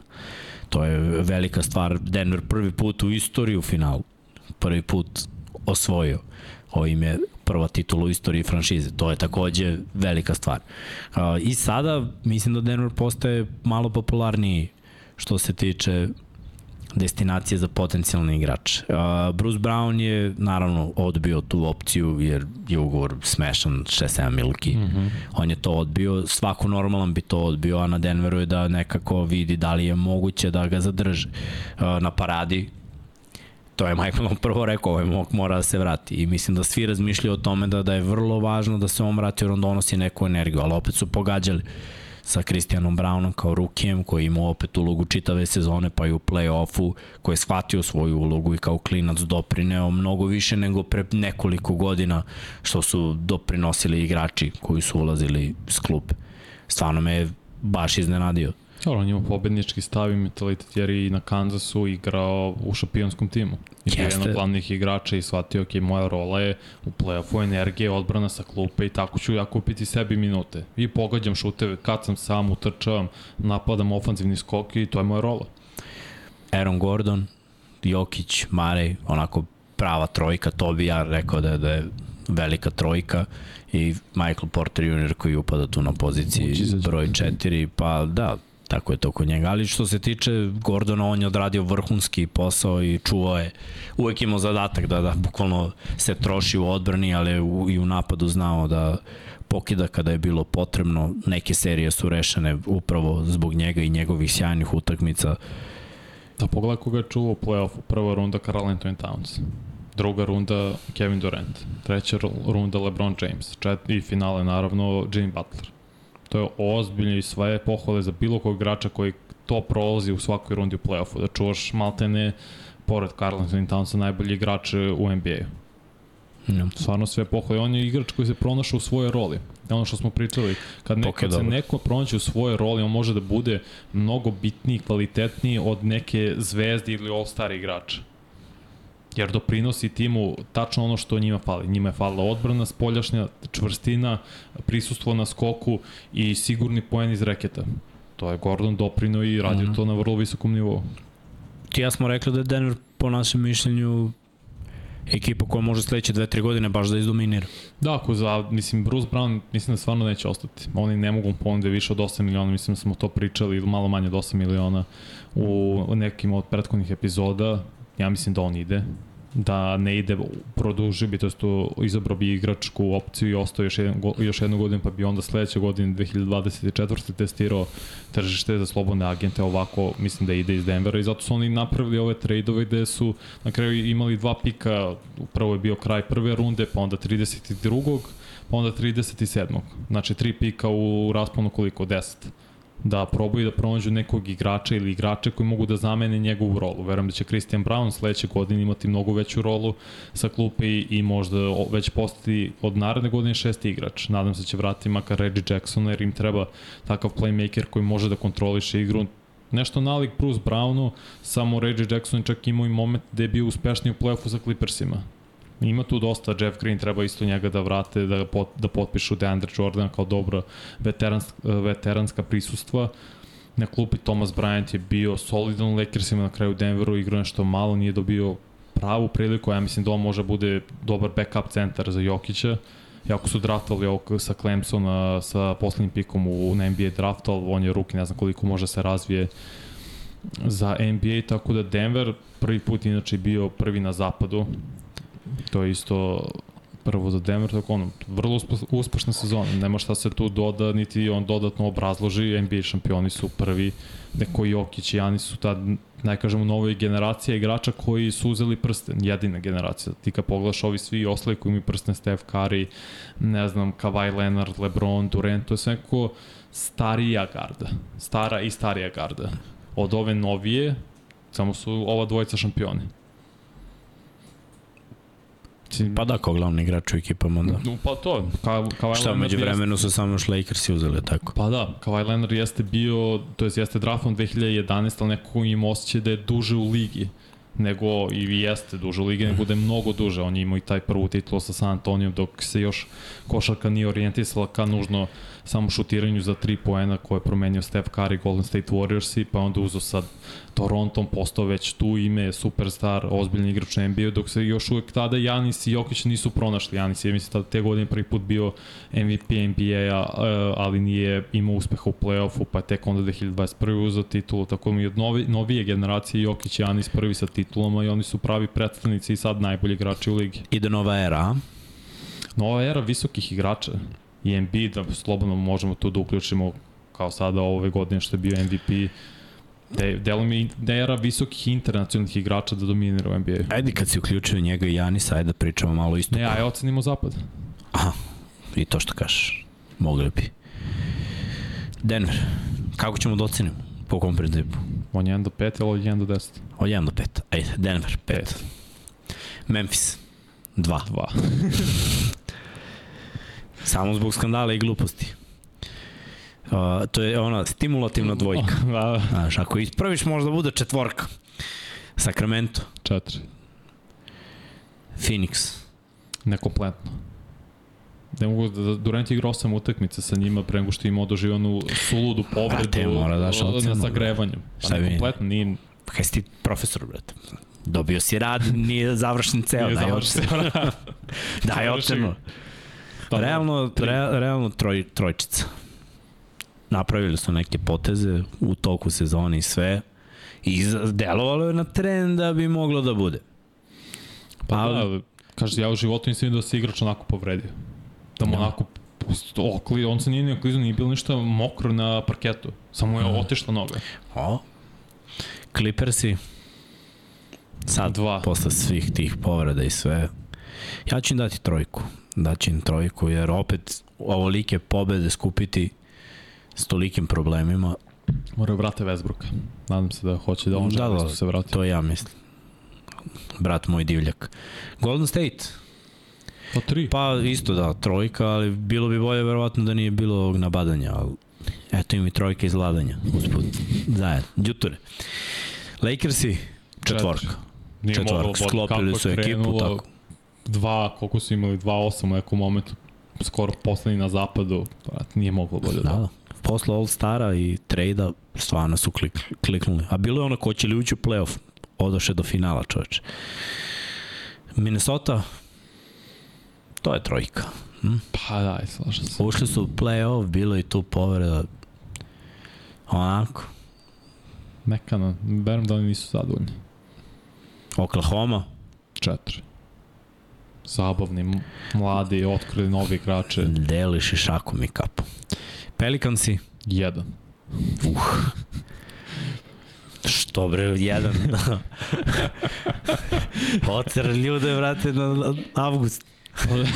Zato što se očekivalo mnogo više od njih. Opet povrede Ingram i u play-in. utakmice. Pa otišli i izašli odmah. Daj im dvojku. Klinci ih pobedili. Sad ja molim kao razredni da im daš dvojku da ne idu na avgust. Jedan. Nemo jedan, nije u redu. Nije u redu. Bili su drugi na zapadu jednom momentu. I Dobro, izgubili su prvi meč play-ina. svašta je Jedan. bilo pa prošlo. Ja im, da, ja im dajem dvojku, Dobro. koja miriše čak na trojku. Ali nećemo mirisima da zajedno ne pojede još nešto. Dallas, Jedan. njima su- mora jedan. Oni su Njima ozbiljni. mora jedan. Oni su me potpuno razočarali, ali to predavanje, Bili su Ne četvrti na Da. da. star pauzi. da, da, Na Pre- zapadu. I samo onda potop. da se predaš tako, to je baš užas. Juta isto, i njima, njima ću dan dvojku. Nije me zato Znaš što su se predali na kraju, igrali su lepo. Samo zašto ništa nisam očekivao od njih dajem trojku. Portland, Uh, i to je jedan. jedan. To je jedan Da. isto. Houston, San Antonio. Houston 2, San Antonio 3. E, su dobili prvog pika na draftu. A, to je sreća, brate. Pa dobro, e, sreća prati hrabre. I prati i u ocenjivanjem isto. Neka ne, ne učiš pa dobiješ nešto kao nekako znaš to na kontrolnu pa izvučeš. Ili uspeš da prebižeš, tako da to je to. Kažu da smo mnogo daroviti sa ocenom. E, nije lako biti profesor. Kaže, Vanja bi u školi bio onaj profesor koga svi mrze. U, imao, imao bih tendencije stvarno da... A ne bih nikog oborio, samo bi ono... Pa evo, upravo si oborio, Pa brate. dobro, ovo si zaslužili. Samo Kao, a ne bi nikog. Kako... Dogovori se, druže. Ovo bezobrazni bio, samo ako si bezobrazni. Samo ako nemaš poštovanja, onda bih morao. Jer to oduzimaš i moje letnje vreme zapravo. Ja moram da dolazim na to.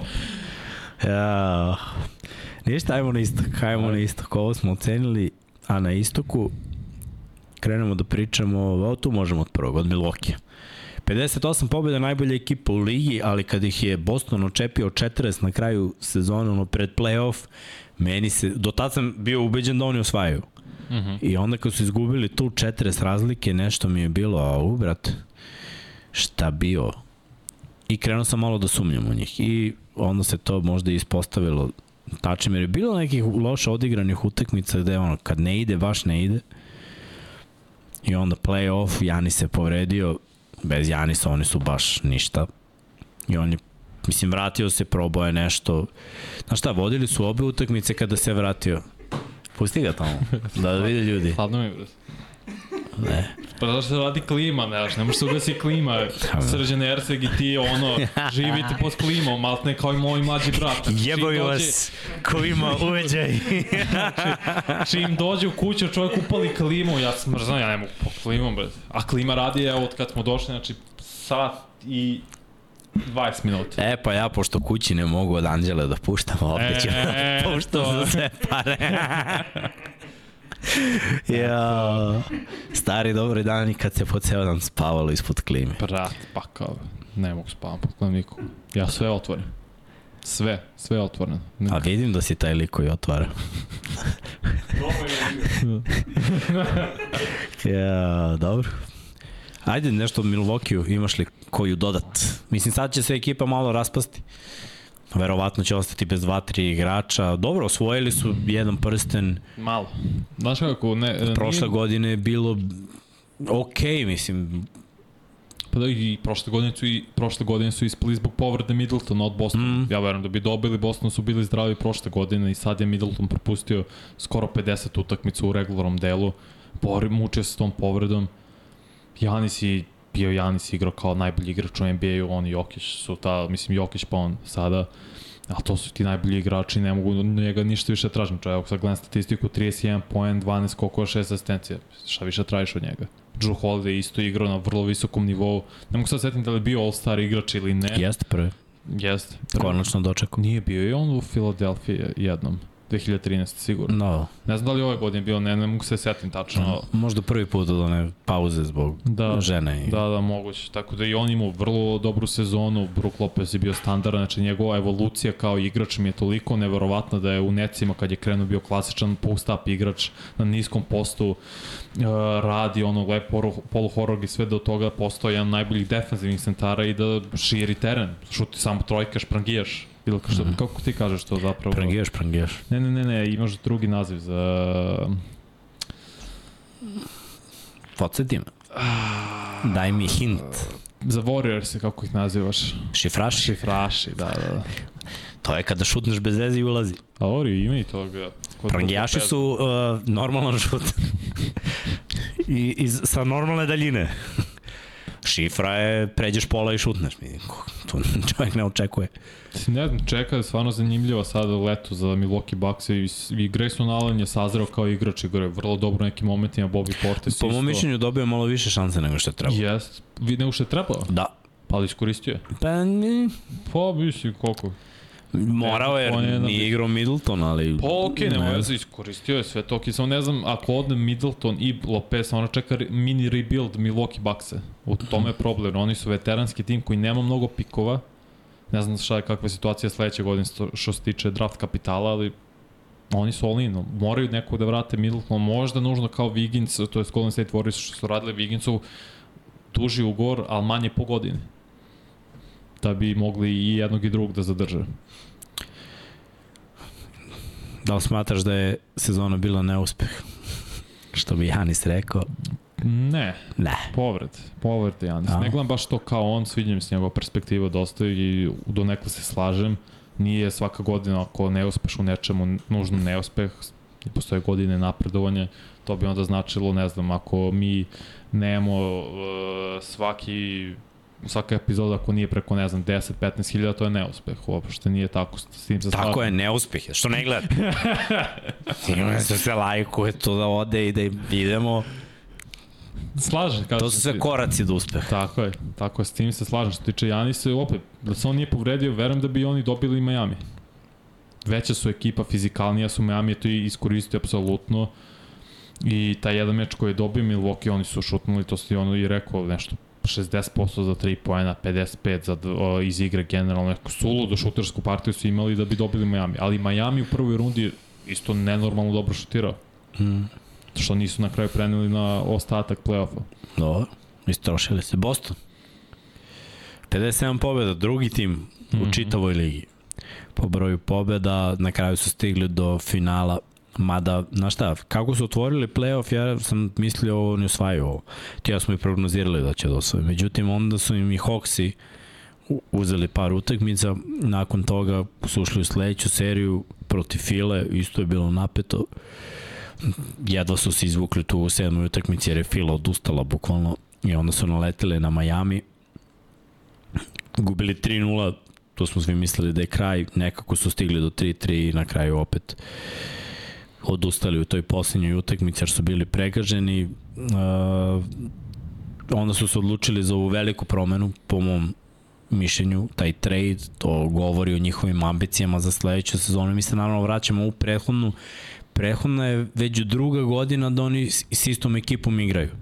I ušli su u finale prošle godine, Ja samo mislim da je dodatak Brogdon, čini mi. da, ali to je jedan, znaš, jedan dodatak koji u ovom playoffu nije mnogo ni igrao, da se ne lažem. Na kraju Povredio se, bio je vrlo važan u sezoni šesti igrač godine, naravno jako dobar igrač, prvi put rezervista, Mm -hmm. znači ruki godine, pa stalno bio starter, tek sad je bio prvi put šesti igrač da ulazi iz klupa. Odigrao je vrhunski, onda početkom play-offa se već, e, dobro, ajde, prošle prvu seriju, ali posle se povredio i, i nije mnogo igrao. Ali opet, uh, generalno ista ekipa i video si ti negde plafon s tom ekipom. I Al Horford je usporio u odnosu na prošlu godinu i nekako mi je delovalo u pojedinim momentima da je previše prangijanja za tri poena i, i da nemaju neku stabilnost u, u post igri, da dođu do lakih poena ako to ne iskreiraju bekovi, a opet bekovima je teže, se brže skuplja sve u odbrani. Tako da su Brown i Tatum u pojedinim utakmicama mogli da idu na prodoru, u pojedinim nisu, pa onda aj trojku kad već ne može ništa drugo. Pa dobro, I zbog toga možda ova zamisao da idu u smeru Porzingisa, da imaju nekoga kome mogu da dotura loptu blizu koša, ko može da pogodi s polu distance, ko može da dođe do ofanzivnog skoka, da neki teži šut, neki fade away, da Pogodi mogu s njim da igraju pik, da, da podignu neki lob, mislim, on i dalje može kuca na pola table, šta god da mu baciš u kombinaciji sa Williamsom i, i to može da bude jako opasno. On je onako iskočio, rekao bih, imao je neke ep, epizode u pojedinim utakmicama da on dao 8 poena, sve zakucavanja, ali to je zato što mu samo daju četiri, ali daju mu, daju mu četiri lopte, znaš. Zamisli da, da, da igraju više na prodor, da imaju pik, pa da, pa da on ima ta utrčavanje iza, to bi bilo još bolje za njega, otvorilo bi jer on nije, ni, ništa drugo ne može da uradi, igra odbranu i može zakuca. Pa dobro, da, i on je veliki deo sezone propustio zbog povrede. Isto kolena, to jest oporavlja se povrede koje je dobio prošle godine, koja mu se desila, ali velika promena u Celticsima jeste otkaz. Ne, ne, otkaz ime u Ima Doke. doka, a? Dolazi Joe Mazzulla, mislim, neočekivano skroz, to je i veru, verovatno njih šokiralo, iznenadilo i tako započenjaš sezonu Maltene i bilo je na početku trnovito, bilo je nekih problema, ali ofanzivna šema koju igraju već poslednjih, ajde kažemo, godinu i po dana je od Joe Mazzulle. Ali odbrana je bila od ime Udoke. I njegova čvrstina i sve je dosta doprena tom timu i bilo je, kažete, na početku problema, ali ne mogu opet, neuspešno je zato što si prošle godine došao do finala, a ove godine si došao do utakmice broj 7 na korak do NBA finala, do velikog finala. Taj tim ne mogu kažem, nije imao svoj limit jer ne znam šta je njima falilo na kraju. Da li ne, e, nedovoljna komunikacija sa trenerom, možda nije bilo tu dobre hemije. Pa nije, imali su limit, imali su limit. Na kraju, kada se sećam se baš protiv Atlante par puta, svi stoje na liniji za 3 poena. To je njihov napad. Svi rašire, onda Tatum ili Brown probijaju, imaju otvoren put do reketa, ali protiv ozbiljnijih timova to nije uspevalo, što su pre svega mnogo bolji spoljašnji defanzivci, kao što je u slučaju u Majamiju, i mnogo fizikalniji. I sviđa mi se pot, potez za za Porzingisa izuzetno, mislim da će on učiniti boljim ekipom, da je Marcus Smart došao do svog nekog limita što se tiče Bostona i da više njima on ne može da do, doprinese toliko kako je pre možda mogao, fali i dalje playmaker, to je moje mišljenje, klasičan playmaker nalik Chris Paulu koji može da razigrava i prosto lakše igru Tatumu, Brownu i sad Porzingisu, ali sa petorkom Porzingis i Robert Williams koji će biti zdravi sledeće godine, mislim da će tad već igrati u svom nekom uh, u svojoj nekoj punoj formi i vidjet ćemo tek najbolje od njega. Poslednji je vrlo opasna ekipa i po meni favorit za osvajanje. Jer Dobro. otvaraš im druge sad elemente u napadu. Druga godina će im biti sa, sa trenerom, Tako pa je. da kažemo da Milwaukee ostaje bez trenera. Mm -hmm. Mislim, zato ja nekako njušim taj mali rebuild u Milwaukee i novi trener i nekako mi deluje da i Middleton hoće da bude on važan igrač, glavni igrač u nekoj ekipi. Bar mi deluje tako. Smart odlazi, velika promena, Smart je tu 10 godina. Tako je. Najduži igrač koji je tu od 2014 prošao sva ova finala konferencije i što je bilo i sa Izelom Thomasom i sa Ruki Jason Tatumom i veliko finale sve kaže ja sam rekao srce i duša te ekipe, ali vreme je za promenu. Ako je Brad Stevens to odlučio da je vreme za promenu, ja stvarno ne, ne sumnjam u njegovo košarkaško znanje i poteze koje donosi, jer i kao trener i sad kao funkcioner, to jest de facto generalni menadžer, Boston Celticsa donosio prave odluke. I na ovom draftu isto neko je uspeo da se ubaci u prvu rundu i da opet iz te prve runde traduje nazad, dobije neku vrstu kapitala. Sve su to dobre odluke koje on donosi i jedva čekam da vidim kako će da izgleda petorke, kako će da igraju. Samo kažete, fali im i dalje playmaker, klasičan playmaker, mislim da će to pronaći na koji način, ne znam i ko još, vidjet ćemo, ali mislim da su Celticsi, ponavljam, po meni favorit broj 1 za NBA titul. Dobro. Idemo dalje, Fila je bila broj 3. Da.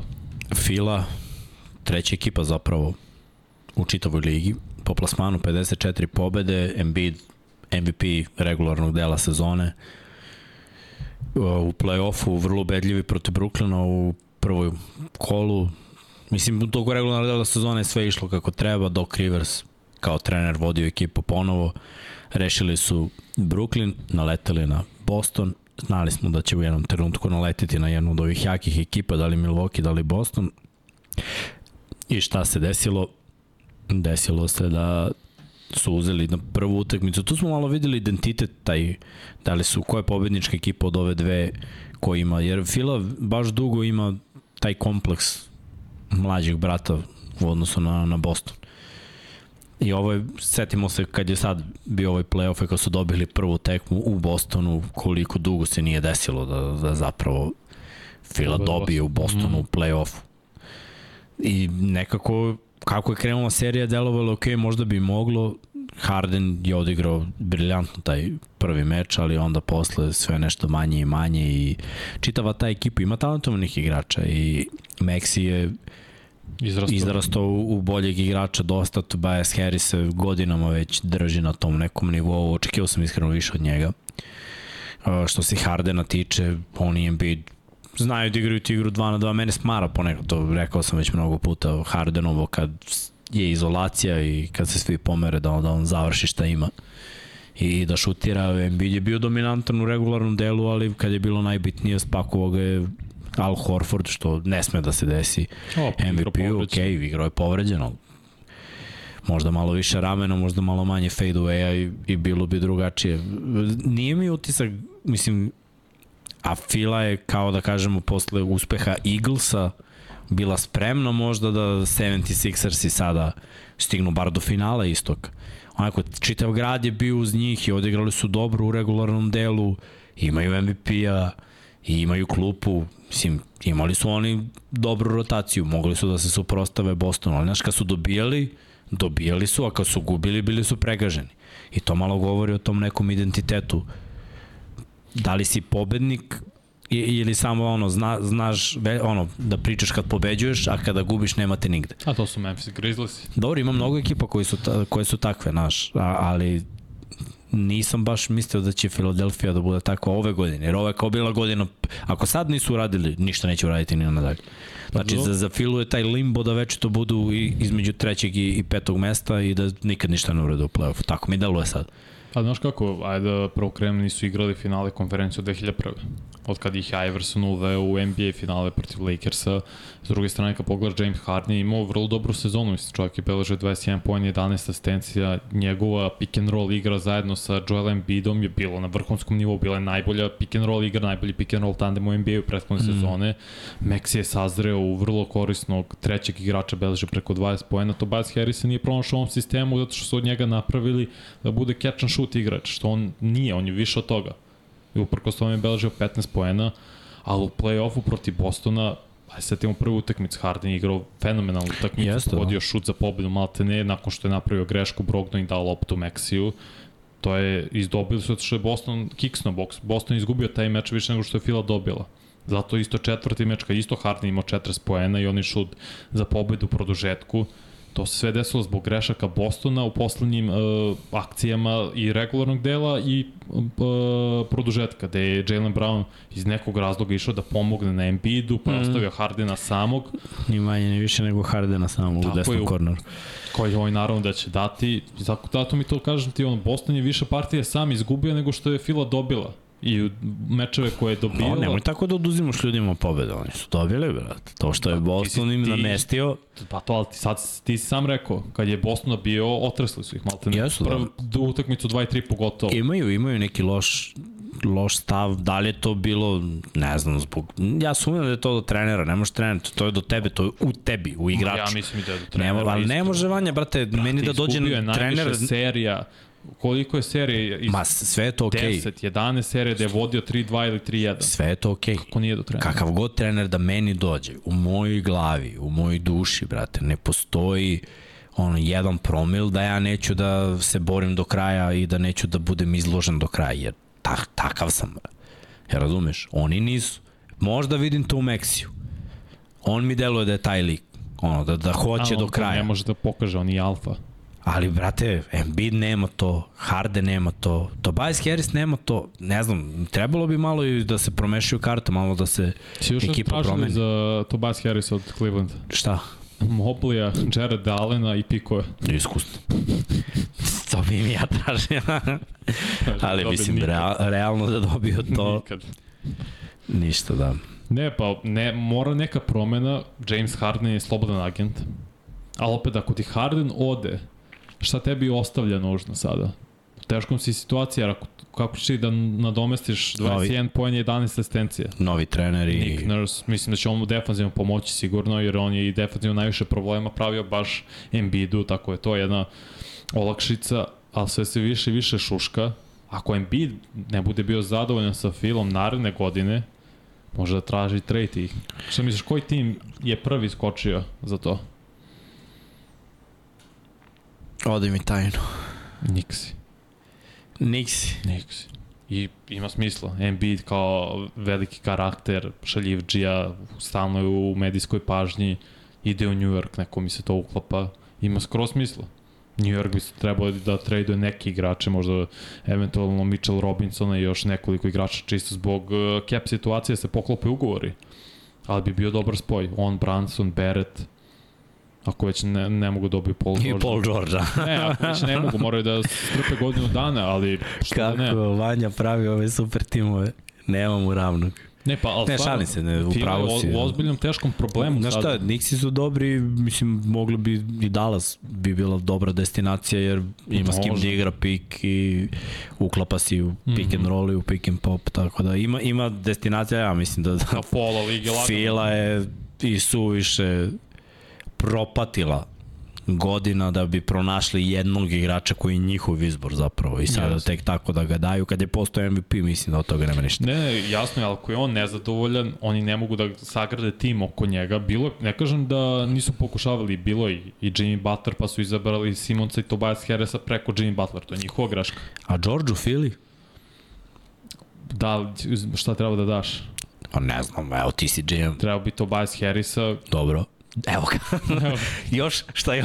bi pikove, pa neće, Dobro. mislim, i kroje Tobias Harris u Clippersima već i ne, nije Steve Ballmer, niti ljudi koji ono, Ne. zapravo su glavni funkcioneri što se tiče košarkaške strane za Clippers su oni ludi. I sad kao, evo, dajte Tobias Harrisa, šta je on? on Da. Malo lošije od Paul George. Mislim, ne ide to baš tako. Može, nek Fila treba proba, jer prvo moraš da vratiš Hardena. E, ako njega ne vratiš, opet, kaže, izgubio si de facto najboljeg playmakera prošle godine, predvodio ligu asistencijama i sve neko ko igra super sa Embiidom u timu, pogotovo pick and roll, ako ga ne vratiš, ok, imaš ke... oni čak i ako ga ne vrate, nemaju cap space. To je problem. Da. Pa dobro. Baš je, baš je Phil u teškoj situaciji i teško će biti Nick Nurse da izvuče najbolje iz ove ekipe i ako Embiid ne bude bio zadovoljan, ako opet budu ispali u drugoj rundi i sledeće godine, stvarno mogu da vidim scenariju da Embiid bude traž, uh, to je zatraži trade. I ne može Phil ništa da uradi u tom momentu. Nije ovo NFL. Mm, Da. Dobro. Dolaze neki dani. Mada opet i istok je onako u rebuildu, manje više ceo, tako da Fila po mom mišljenju ide u playoff Samo eto da završe ta neka pitanja što se ugovora tiče, Nick Nurse je odličan trener. Mm. Cleveland je bio četvrti, Cleveland koji je vodio bitke protiv uh, Nixa, na kraju nisu uspeli da dobiju tu seriju. Doveli su Donovana Mičala, delovalo je, znaš šta, oni su u nekoj promeni i dalje se traže, ima tu talenta, ali ne uigrani su. I u pojedinim momentima se tu ne zna u nekim trenucima mi stvarno deluje da se ne zna ko šta radi. Kad je kada Mitchell ima, kad, kad Mitchell ima jednu utakmicu, ono šutira Buraze neće da doda, a sledeću krene da dodaje, pa onda ekipa proradi, pa onda nikom ne ide šut u trećoj. Onako, traže se, traže se, ali nikako da se nađu. Regularna sezona, vrhunska, 51 pobjeda, pa to, to je majstralno. To je za drugo mesto na zapadu. Da. Bukvalno. Odigrali su sve kako treba, došao je play-off, naleteli su im Nixi koji su ih nadjačali po mojom mišljenju, ništa više. veteranska ekipa. Da, pogađali su više... Tom Thibodeau koji trener, a s druge strane JB Bickerstaff prvi put je ulozi glavnog trenera u play-offu. Mi smeče odmah tu bio. I bilo je zanađenje da Cleveland uđe u play-off. Ne, ja sam očekivao da Cleveland dosta. To. I očekujem još više sledeće godine, mladi su. I ja mislim da će biti bolje. Klasična trojka, to je problem. Mm. Paul George svuda bacam, no. ne, ne, ne ubacimo ga i ovde, ali šalom stranu, stvarno fali klasična trojka, imaju super bekovski tandem, Garland i Mitchell, igre, idu jedno s drugim. Mitchell je više koš getter, ide prvo, traži svoj šut, Garland je klasičan, klasični playmaker, od njega zapravo i tražiš da više šutira, on to ne radi. Mobley mi se izuzetno sviđa kao mladi igrač, on i Jared Allen čine vrlo dobar tandem. Da krivni centar, centar, njima fali trojka. Nije ovaj Isaiah Okoro uspeo, njihov mladi, ne znam, pre 3-4 godine su ga draftovali igrač. Vidjet ćemo da će moći nekog da nađe i Levert slobodan agent isto. Mm. On je dosta slupe značio kao šesti igrač yes. na startu. Levert je još u necima pokazao da je mm. ozbiljan pointer, baš ima ozbiljan ozbiljan je igrač i šuti, i prodor, iz driblinga šut, sam kreira ba, baš onako zahvalan igrač. Ali dobro, ajde da kažemo da... Klupa, znaš, dobro, pa mla, znaš šta, to je mlad tim, to je tim za koji se... Ti manje, evo, od sada, od četvrtog mesta, pa da krenemo mm. na dole, redko, koji tim je popunjen? Osim Majamija. Da, da. Da kažeš klupa pa da izdvojimo dva, tri imena. Svi ovi timovi su tanki manje više. Evo, pogledamo Nixi, klupa isto tanko. Brooklyn, klupa tanko. Atlanta, ne, nisu, znaš, Miami ima klubu. Chicago nema klubu, a oni imaju po meni oni imaju petorku koja je jako dobra, ali nikako da to dođe do izražaja kako bi trebalo. Toronto isto sa dosta mladih igrača na klubi. Oni su isto prošli rebuild. Indiana, Washington, Orlando, Charlotte, Detroit, to su ekipe onako ispod margine. Da, da. Ali bukvalno isto koji malo druga priča. Postižu glavni igrači poene, od ovog četvrtog mesta na dole i klupa ono, ne igra toliko ulogu. Da, da, Zato mislim da je zapad mnogo bolji kao, kompletni. kao konferencija. Da, Kako da ima tu mnogo kompletnih. Top heavy su da. isto kao ovi su kompletni. Da. Mislim, Nixi, o njima, ne znam da smo završili. Ajmo njima, da, da, pa, pa nema šta više. Nixi su odradili isto i dobru priču ušli u playoff. I to je vrlo važno za njih koliko, mislim, opet je bio praznik igrati u Madison, Square Gardenu, playoff dobili su prvu seriju, u drugoj seriji su naleteli na, mislim, ja, ja sam ih vidio da dobijaju prvu seriju. Drugu nisam očekivao Miami, ali mislio sam tu oni staju. To je njihov domet. Trenutno da. To, to je njihov domet. Oni nemaju klasičnog centra koji poentira. Uh, njihove najveće zvezde znaju da zastanu u jednom trenutku. I Branson i Randall su u jednom, jednom trenutku imali katastrofa procente šuta. U regularnom delu sezone to je lagano, ti ćeš da se ispucavaš, nije ni bitno, ima mnogo utakmica. Dobit ćeš ti 45 jer imaš talent. Ali onda će doći ono kad je najvažnije, tada treba pogađati neke šuteve. I tada je malo iskraćena rotacija i tada igraš jaču odbranu i onda se više trošiš u odbrani, pa u napadu Drugo je kad ti blejiš odbrani i dođeš u napad, onda ti odmoran si, šutiraš iz nogu, sve je mnogo lakše. Kad gineš u odbrani, svaki šut u napadu ti je duplo teži. I neki njihovi šutevi su baš bili, vidiš ih, ono, ne, nemaju noge pod sobom, da tako kažem, ne mogu pogode ništa. Pa ne, krenuo si od Bransona kog su oni potpisali iz Dallasa prethodne godine bio super potez. on je meni to pod... Jeste, on je sjajan bio. Ne mogu da verujem da nije bio ni All-Star igrač, ni All-NBA igrač. Iskreno bio je to Randall koji isto imao super sezonu, 25 pojena, 10 skokova. Mislim da ne povlačimo neke paralele i poređenja, ali Dala se raspao bez njega. Mislim, nije samo zbog Da. njega, ali čovjek došao u New York, New York u playoff, dobio prvu seriju. Tako je, ali on i Randall nisu uh, igrači broj 1 na šampionskim timovima. To je problem i za, za Knicks generalno. Zato što ne možeš da očekuješ što od njih, jer Branson imali, imao je momente protiv Miami gde je šutnuo 0 od 7 za 3, 0 od 6 za 3, ne mogu ništa pogodi. Još Knicks je ono što je glavni problem, pored toga što im fali uh, trojka, Falim fali im šut. šut za 3. Da, da. Falim Nemaju šuter, klasičan klasičan, šuter. nemaju. No oni ni- nisu koristili, Thibodeau nije koristio Fournier uopšte skoro u regularnom delu sezone, čak igrao 27 utakmica, i startuje, ja mislim, jednom, ako je, iako je bio čitave sezone zdrav, Derrick Rose isto igrao nešto malo, nije on šuter, tako da Nixi moraju u tom smeru da gledaju da razvijaju šutere. Ja mislim, Immanuel Quickley je košketer, basketaš, klasičan, nije on šuter. Tebi treba neko koji je kao, kako se zove iz Majamija, stao mi Duncan Robinson. Klasičan šuter koji će stati prangijati i znaš da ako ga krene da će 5, 6, 7 trojki bez ikakvog problema. To njima fali i spacing generalno. Mm. Jer Randall nije šuter, Koš Getter je dobar i napreduje dosta i što se tiče tehnike i svega, ali nije šuter, Robinson je igrač oko reketa, Obi Topin isto je na, popravio svoj šut, ne mogu da kažem, ali nije šuter. On je nešto nalik. Julius Randle što se tiče igrača, samo možda trenutno bolji atleta. Tako da to njima problem. Glavni igrači u rotaciji i ako ubacimo Quentin Grimesa koji nekad i startuje, Josh Hart je bio fenomenalan potez što su tradili iz njega u sred sezone, on se da. postavilo kao vrhunski igrač i nadam se da će ostati u Knicksima jer on i Branson prave pravi tandem i on i Branson treba startuju u backcourtu zato što igra odbranu, Josh Hart ide sjajno, sjajno skaka, skakaš za tu visinu i daje im tu čvrsti, čvrstinu energiju, pre svega u odbrani koja je neophodna ako ti je Branson playmaker koji ima metar koliko, 80 mali, ne može da čuva skoro nikoga, to je prosto činjenica, iako je u napadu fantastičan, ali treba ti bek koji će po, čuvati najbolje onda bekove spoljne igrače koje Branson ne može. Ali uspešna su on za Knicks, mislim. Uvek je lepše i NBA kad su Knicksi dobri kvalitetni.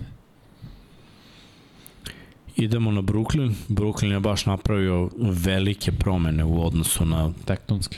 Pa da, to je pokušaj bio da se napravi velika trojka, da se napravi neki super tim i da, znaš šta, najveći poraz je što oni nisu stigli do finala konferencije. Ok, bilo je povreda, bi, bi korona se desila i svašta nešto je Kažem, poremetilo. linija. Ali baš ovaj, da, da ovako failuju, to nisam očekivao. Uh, na kraju su dali sve što su imali, znači i Kyrie Irving i Kevin Durant i James Harden, svi su otišli, probali su sa ovom nekom mladom ekipom,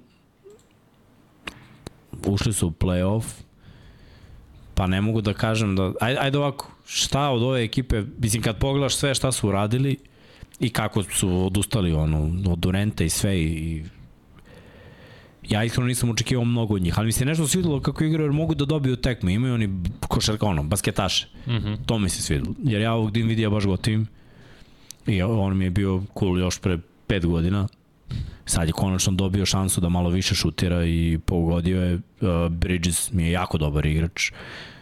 Takođe, Da. da li oni idu s njima dalje? Šta, šta će dalje da bude sa Brooklynom? U kom smeru oni idu? Kako, kako da grade? Pa treba da grade oko Bridges pre svega, mislim da on neće možda biti superstar, a mislim može bude all-star igrač Cam, jo, uh, Cam Johnson njega treba da vrate, pošto je on slobodan agent, ali imaju prava nad njim, treba isto njega vrate, tu je Dinvidi, tu je Claxton, draftovali su dobro, Cam Thomas koji ja ne znam zašto on je dobio dečko više prilika, on, on u februaru je vezao tri meča za redom da je dao 40 plus pojena, mislim to je sulud. On je pravi koš getter i ja, baš kažu za njega. Ne razumem stvarno zašto on ne igra više, trebao bi makar da bude šesti igrač ako ne može već da bude starter. I treba, mislim možda će opet glupo zvučiti banalno, ali treba dati šansu Ben Simonsu. Ja se nadam da će on stvarno igrati za Australiju na svetskom prvenstvu. Vanja ve, večita podrška Bena Simonsa. Neko, stvarno je to, je, ako, on, ako ja budem vidio na svetskom prvenstvu da on igra i da igra na nekom, aj kažem, prepoznatljivom nivou, za što se tiče njegovih standarda, stvarno se nadam da će onda moći to prenese na NBA, to na narodnu sezonu kao što je uradio Lo- uh, Lauri Markanen. ne znam da li će moći, ne može, nadam se da hoće, jer to bi značilo necima pre svega, jer bi onda imali playmakera i vrlo visoku petorku. Kad gledaš onda biće ko uh, Simons, Bridges, Johnson, Claxton i sad četvorka, mislim draftovi su klaunija, vidjet ćemo da li će on startovati ili kogod to bude bio. Uh, Imaju i dobru klupu ako bude i set ne bi ja tog Simonsa, Vanja, Nema veze. Daš mu priliku, ako ne, ništa. zato što mislim dalje. da, da on ima problem, ja sam njega... Ja mislim mentalan problem. Ja sam njega obožavao kad se pojavio, jer igrati s tom visinom playmakera stvarno je kidao, imao asistencije, skokove, znao je da ide na ulaz, mislim, s tom visinom ne bi smeo niko da te zaustavi, samo navežbaš floater, kucaš, izbacuješ pad, ne moraš ni da imaš od spolja. Došlo bi vremenom, ali on je nešto, pokvarilo se nešto u njemu, znači to mi je najveći problem, za, zato sumnjam. Ali da kažemo, ok, Imaju dobru klupu, Watanabe, Dory Smith, do, Dory Finney-Smith, Royce O'Neal, Joe Harris, Seth Curry, Cam Thomas. a Joe Harris nestao, brat. Ne, Set okej. okay. Karin iskorišćen, no, baš nikako nisu dobra, iskoristili. Tu je dobar uh, jezgro, nukleus, mm. kako god želiš, mm. da, koju god reč želiš da iskoristi. Ali to, dobro je tim, samo im fali jedna super zvezda. Zato sam ja predložio Lillarda. Jer imaju draft kapital da daju za njega od Phoenix Sunsa, pošto Phoenix nema ništa do, do 2031. Dobar deo toga ide Brooklyn Netsima, imaš municiju da daješ za Lillarda, zašto ne bi učinio? Je Lillard Nemoj rekao, mi Lillarda u te projekte. A nije projekat. To je projekat. Bridges Nema od njih je- ništa. Ne, ne, ne, do Bridges je meni super Cam igrač. Jo- Johnson isto vrlo dobar igrač. Nema od njih ništa, neće oni u polufinale ne mogu da uđu isto. Sa Lillardom? Bez, bez Lillarda. Ne pričam sa Lillardom. Lillardu treba ekipa koja bez njega može do polufinala, a s njim I ovi do kraja. mogu... Sumnjam, sumnjam.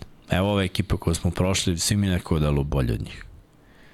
Delujemo, mislim, možda grešim, ali deluju bar bolje, kao, kao da ima, kao da ima tu više potencijala.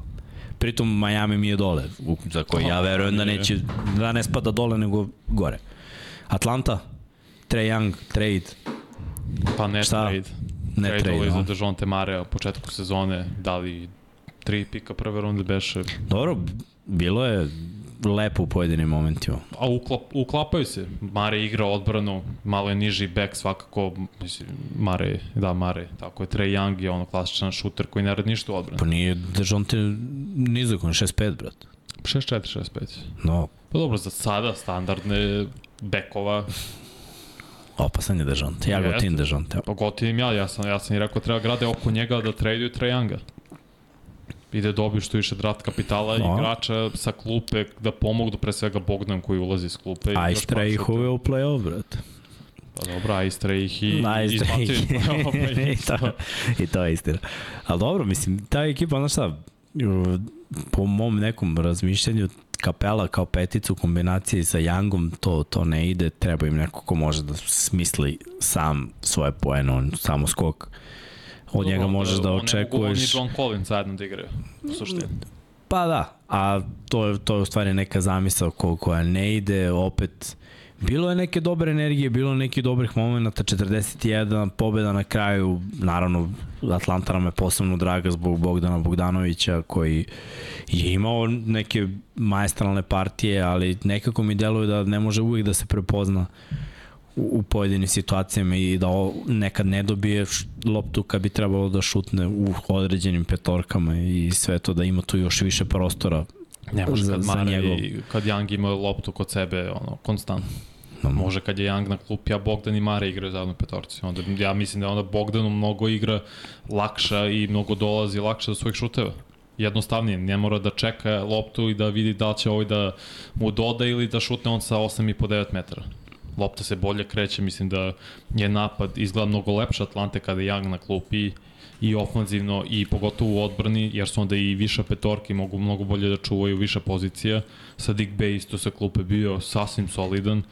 AJ Griffin, ovaj mladi igrač, vidjet ćemo da li može se razvija, bude koristan igrač sa klupe, neka vrsta rol igrača, ali fali im trojka, nije ide Andre Hunter dobar za njih koji isto nije šuter. Ne možda imaš tri ne šutera, Da. da. mislim da razumemo i četiri, jer Mara i nije šuter. On probija i ima solidan popravlja, šut, popravlja polako. ali vidi se njegova mehanika nije prirodna, to baš izgleda u nekim momentima mučno. Nemaju, znači oni pored Trajanka u petorci nemaju ni još jednog klasičnog šutera, niti dobrog šutera. Koja je šansa da Trey ode? Pitaju. Mala, mislim se to neće sad desiti. Mm, isto. Zvezda je. Kakav da, znaš, kada niko neće šutno, on će šut. To je, to mu prizna. I nekad, kad uđe u seriju, stvarno sve što baci ulazi. To, ali teško da možeš da gradiš ozbiljan tim sa nekim ambicijama oko takvog igrača. Miami, finale, ponovo, drugi put, ponovo kratkih rukava, Uh, opet povrede, moramo i to da kažemo, nisu ni oni bili kompletni. O, povredio se Hiro, povredio se Oladipo, oni su baš imali ozbiljnu klupu gde, ajde da kažemo, i Lauri i Robinson i ova dvojica pomenutih i. Kevin Love, to sve stavi na klupu. Dobro je podes bio dovođenje Kevina Love Yes. i Ade, Adebayo i Love i Jimmy je baš zvezda ove ekipe i, i srce ove ekipe. Vidjet ćemo ko će da ostane od ovih momaka. Martin, Vincent, to, Pa Martin ostaje, i Vincent Strus. verovatno- Ne, da, Vincent Strus. i Strus nemaju više ugovor. to, to. Ne znam da li će Vincenta vratiti, iskreno. Mislim da će Nije. on zahtevati A veći dobro. ugovor. Eto da kažemo da su probili još dva igrača. Otvorili su im šansu da se Pa da. Nikad oni ne bi bili ovoliko primećeni da Miami nije ima ovakav uspeh u play-offu. Naravno, Miami najbolje razvija igrača i talent u NBA-u. Njima daš mahtane igrača koji bi odbačen od strane drugih timova, ala Strus, Boston, ala Martin i uh, ovi Hornici i napraviš od njih dobre igrače, ali dobre play-off igrače, što je još važnije nego dobro u regularnom delu sezona. Ja baš želim da oni od Jovića naprave dobrog igrača, jer verujem da bi dobio šansu da se nije povredio. Mm -hmm. A mogu da ga vidim u određenim rotacijama da, da bude u petorci i da ima neke svoje šuteve. Tako da ono, da napreduje i, i ovo je jedna kompletna ekipa, ima dosta veterana, jako dobro igru imaju, imaju svoj identitet, imaju svoje strpljenje, imaju te veterane koji znaju da smire igru i da ti dostave ono, loptu na šut. Znaš, ako je zamisao bila da se šutne, imaćeš najbolju moguću situaciju da šutneš. Neće ništa biti ishitreno, ne, neće uglavnom ništa biti isforsirano i imaju igru sa posta, znači znaš da će to da rešavaju Jimmy ili Adebayo, da oni ništa ne traže tamo s polja od trojke. Tako da ono, le, lepo postavljena ekipa, trener, kultura, poslednje četiri godine Tri finala istoka. i dva finala velika. Bravo za Miami. Uh, prosto mi je neverovatno da su imali 44 pobjede su bili ovde dole, ali okej, da kažemo. Ali povrede, povrede. sitne i neko, imali su najgori napad u NBA u regularnom delu Da. sezone. Da. Jedan od najgorih šuterskih timova kliknulo je u play-offu kad je bilo i važno. Iskreno nisam mislio da će klik- kliknuti nakon što su bili poraženi od Atlante. Meni je ovo pravo iznenađenje. Da ja baš nisam mogao da vidim da oni dobijaju Milwaukee i da idu dalje. Mm. Mhm, mm isto, isto. Mislim, ovo je uspeh za Miami. Samo smo opet videli drugi put u finalu Jimmy Butler dolazi do svog limita i fizičkog i mentalno i igračkog gde on više ne može da prenese toliko kao što je mogu prve dve runde. Pa Istroši najviše tekme su toliko. Tako je, on se toliko istroši da je zato Miami potreban neko kao Lillard koji može ofanzivno da preuzme tu ulogu kad nikome ne ide da stvori šut za sebe i da pogodi ono što je najvažnije. To Lillard radi na jednom vrlo visokom nivou, to Miami nema u svojoj ekipi, to nisu ni Vincent, ni Strus. Videli smo kako su oni započinjali NBA finala, to su ove utakmice protiv Denvera, pogotovo Strus sa jednom nulom, čak i, i Martin imao to isto u nekim momentima, tako da njima takav igrač neophodan sigurna opcija u napadu koji ako sve propadne znaš da može da stvori za sebe neke poene da te izvuče prosto iz uh, lošeg niza kad ti ide loše, kad si maše 3-4 minuta za redom, ne ide, on će ti dati koš sigurno. Došli smo nove crvene ekipe. Atlanta, Miami, Chicago. Uf, da, Chicago opet povrede. Ima potencijala, tu ti ga pogledaš roster, znači doveli, kad je došao Caruso, i ja sam baš očekivao da će Ball Lonzo da bude zdrav, Levin, mislim, možda da da 25 po utakmici, DeRozan 20-25, Vuč, Vučević, brate, double-double po utakmici, to je petorka, opasna petorka. Da, Mm, kliknulo je kad je došao Beverly na kraju. Pa, dobro, on je, on je iz Chicago, tako? Jeste. Da, da. Šta znam, tu i tamo i ušli su u play-in, dobili prvu tekmu i posle toga nije bilo nije bilo dovoljno sna, mislim, nije ih Miami dobio da ih je ono razbio, Dobio Miami ih je tri minuta. jedva dobio. Da. Tako da Chicago je bio blizu, ali nisam siguran da, da su imali tu projekciju kao Miami da mogu da dobiju neke jake ekipe, mislim da Chicago to ne bi mogo, ali imaju talentovane igrače i, znaš ono, opet, Vučević je tamo i, i navijam za njih i volao bih da se nešto desi, jer pazi, Gotivin DeRozena i Levin je, je dobar projekat, mislim, od momka koji samo zakucava, došao je do ono, dečka koji sve radi. Igrača, da, da. Ali fali im baš Lonzo igrač koji ih spaja sve. Falim, falim To je on Lonzo. klasičan playmaker, videli smo kad je on igrao prethodne godine, to Chicago nije izgledao dobro, izgledao je odlično. Hmm. A ovako kad je on povređen, Kobe White i Ajo do sumnu ne mogu to da igraju, ako mi se mnogo sviđa do sumnu kao mladi igrač i mislim da može bude vrlo dobar defanzivac u NBA-u, ali nema tu taj talent i pregled igre kao Lonzo Ball. Nažalost. Mm. Za, po Chicago. Vidjet ćemo Vučević je... Šta ide za Chicago dalje? Ja mislim da Vuč je moraš slobodan, da Lonzo, neće igrati. povreda. Mislim, Vučević je izrazio želju da ostane u Chicagu i verujem da će oni nešto sad Dobro, srpski, dogovore. mislim, to je grad balkanski, ajde da ne kažem Jeste. srpski, nego balkanski, jer Jeste. ima mnogo ljudi sa Tako je. ovih prostora. Ali mislim da je vreme da traduješ i Lavina i DeRozan. DeRozan mislim ima jednu godinu na svom ugovoru, Lavin mislim da ima tri plus četvrta op godina kao igračka opcija, tako da je vreme da traduješ i uradiš rebuild. Jer najgore za tim je da bude u ovoj limbo fazi od 10. do 15. Ili još gore, ako si od 11. do 15. znači nisi ni u play-inu. A onda se mučiš konstantno, nisi ni gore ni dole, ne možeš da dobiješ dobar pika na draftu, još su on, nisu imali ove godine pika, išao je Orlando Magicu, imali bi 11. Tako da mislim da je stvarno vreme za Chicago da sada keširaju, hvala, Nisi mi ugazi. nije ugas. Uh, poče kolana me boli od hladnoće. Šalim. ovde vanja hladnokrvni gušte. Hladno, brate. Ali vreme sada da keširaju to što vrede poprilično i DeRozan i Lavin. Možeš Pa. sad za njih da dobiješ dosta. Ne bi znam da li će Alavina moći- poslao DeRozana, bi tu, tu ima smisla. Jer ide nova era, jer Rozen Mm. pripada onoj staroj eri. Ali izvinite, dugujemo izvinjenje publici, mi ti kvarimo frizuru. Da, to je od klime. Da, da. Pre, 100%. prevelika je vlaga u studiju, onda vanjina kosa buja. je, a, kaže, još ima majicu ispod. Pa, pa nek dođu ljudi da vide koliko je hladno kad radimo. A šta hladno, ja bi skinuo i ovu majicu koju ima. Ski, skini. Ovi ljudi da dođu.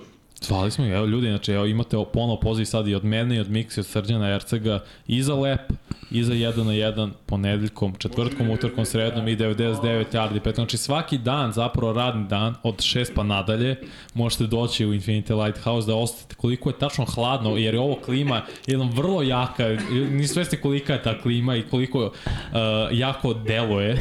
Još Srki kada uključi turbo, to onda ode ledara postane. Samo uđite u ovu sobu i onda uđite tamo u kuhinju da vidite razliku u temperaturi. ne želim da odem u kuhinju sada, ovdje mi je baš prijatno. E, pa kao, dobro, znači hladno u Čikagu. A u Torontu zimi, Tamo je leda, tamo je ledara. da, sneg. Ni leti nije lepo tamo.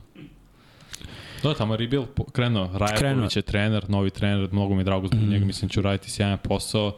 Fred Van Vliet je slobodan agent, ne verujem da će se vratiti, Nije. ali treba da grade. Scotty Barnes, Anunobi, Sijakam iz, je izrazio želju da on ne želi da ide iz, Čika, iz pardon, Toronta, ako bude tradovan, drugi timovi misle da on neće potpisati dugoročno za njih, tako da verujem da će on ostati. Ima i dobru priču. Draftovali su sad ovog šutera za Kansasa, Grady Dicka, ali sezona kao sezona je neuspešna. Mislim, i Scotty Barnes je malo stagnirao ove godine, oček, očekivao se veći iskorak kod njega, mislim da će tu Rajaković pomoći, tako da ono, sezona je propala, solidan tim, kad gledaš celokupan tim, ali mislim da Rajaković može podigne nivo ovih mladih igrača uh, za poprilično. Dobro. Uh, ajde idemo na ove ekipe koje nisu učestvovale u play-inu, Indiana. Indiana i Washington identičan skor, 35-47, ali da kažemo da je Washington bio tu na, na plećima Porzingisa, da je Kuzma igrao isto solidnu godinu, ali sad nema ni jednog ni drugog, da Kuzma neće da, da odbio i on tu opciju, Porzingis otišao u Boston. Bostona, došao im je Jordan Poole, tako da onako manje više Washington će po mom mišljenju biti ovako ili još gore.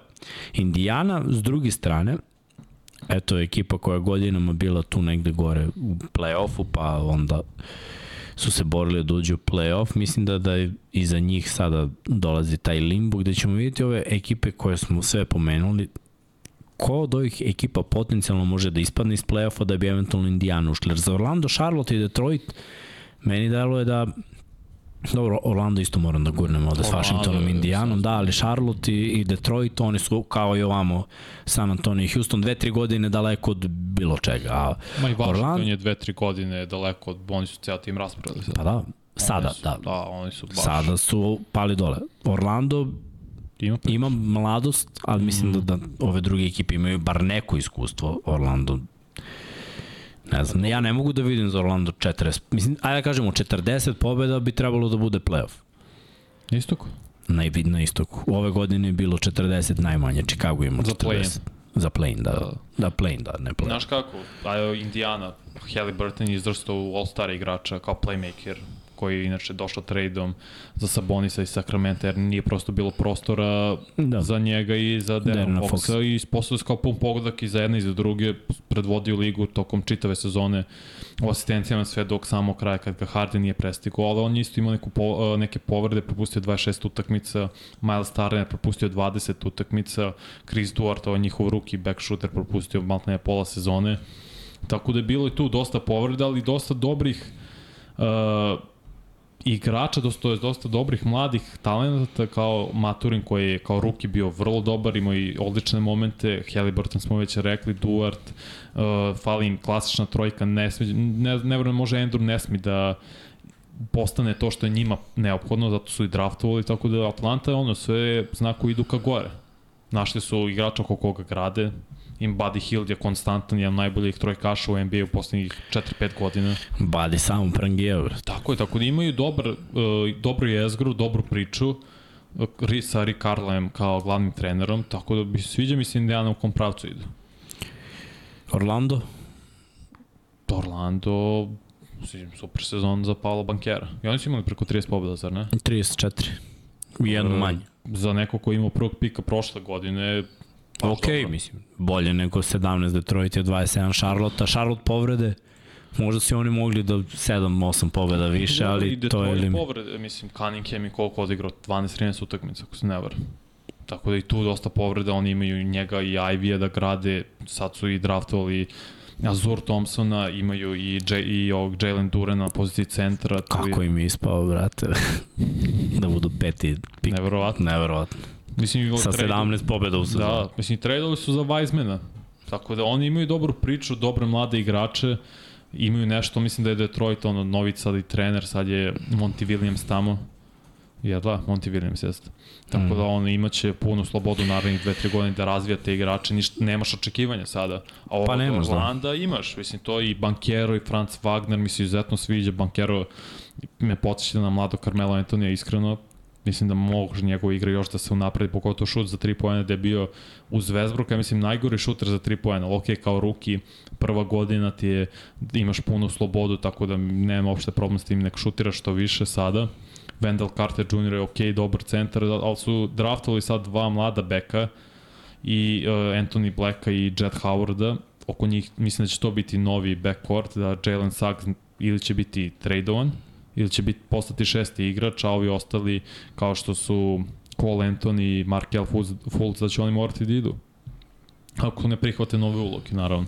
Ali mm. dobra priča za Orlando, skroz uopšte i imaju svoj draft kapital, tako da Orlando čeka blista u budućnosti, samo treba da grade oko bankera koji mislim da može da izraste u ozbiljnu zvezdu i mislim da će Franz Wagner biti vrlo, vrlo dobar NBA igrač.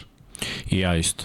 Dobar Vidjet ćemo verovatno i na ovom svetskom koliko je dobar.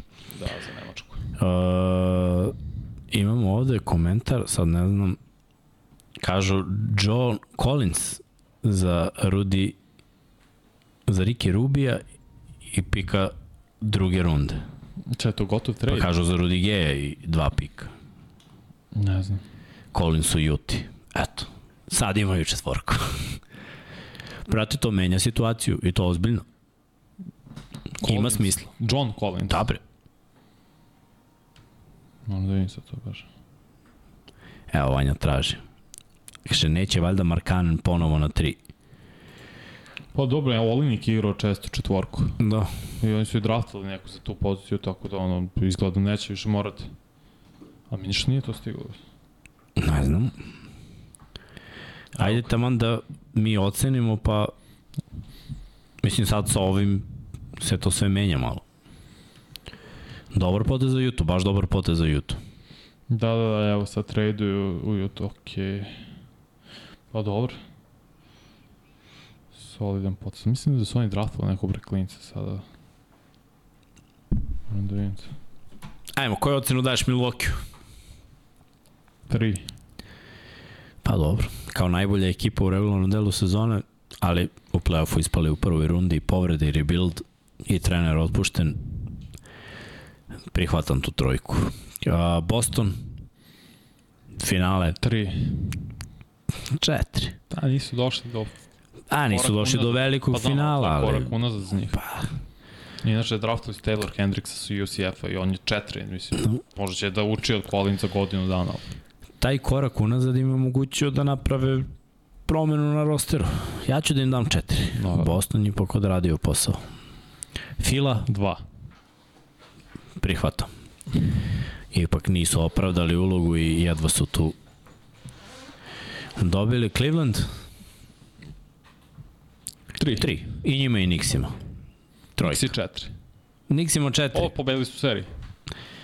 Playoff. Ja, u da li seriji. dosta toga fali. Druga runda, Dobro, ajde. dobro, regularni 3 deo plus. Brooklyn. E, Rebuild i sve.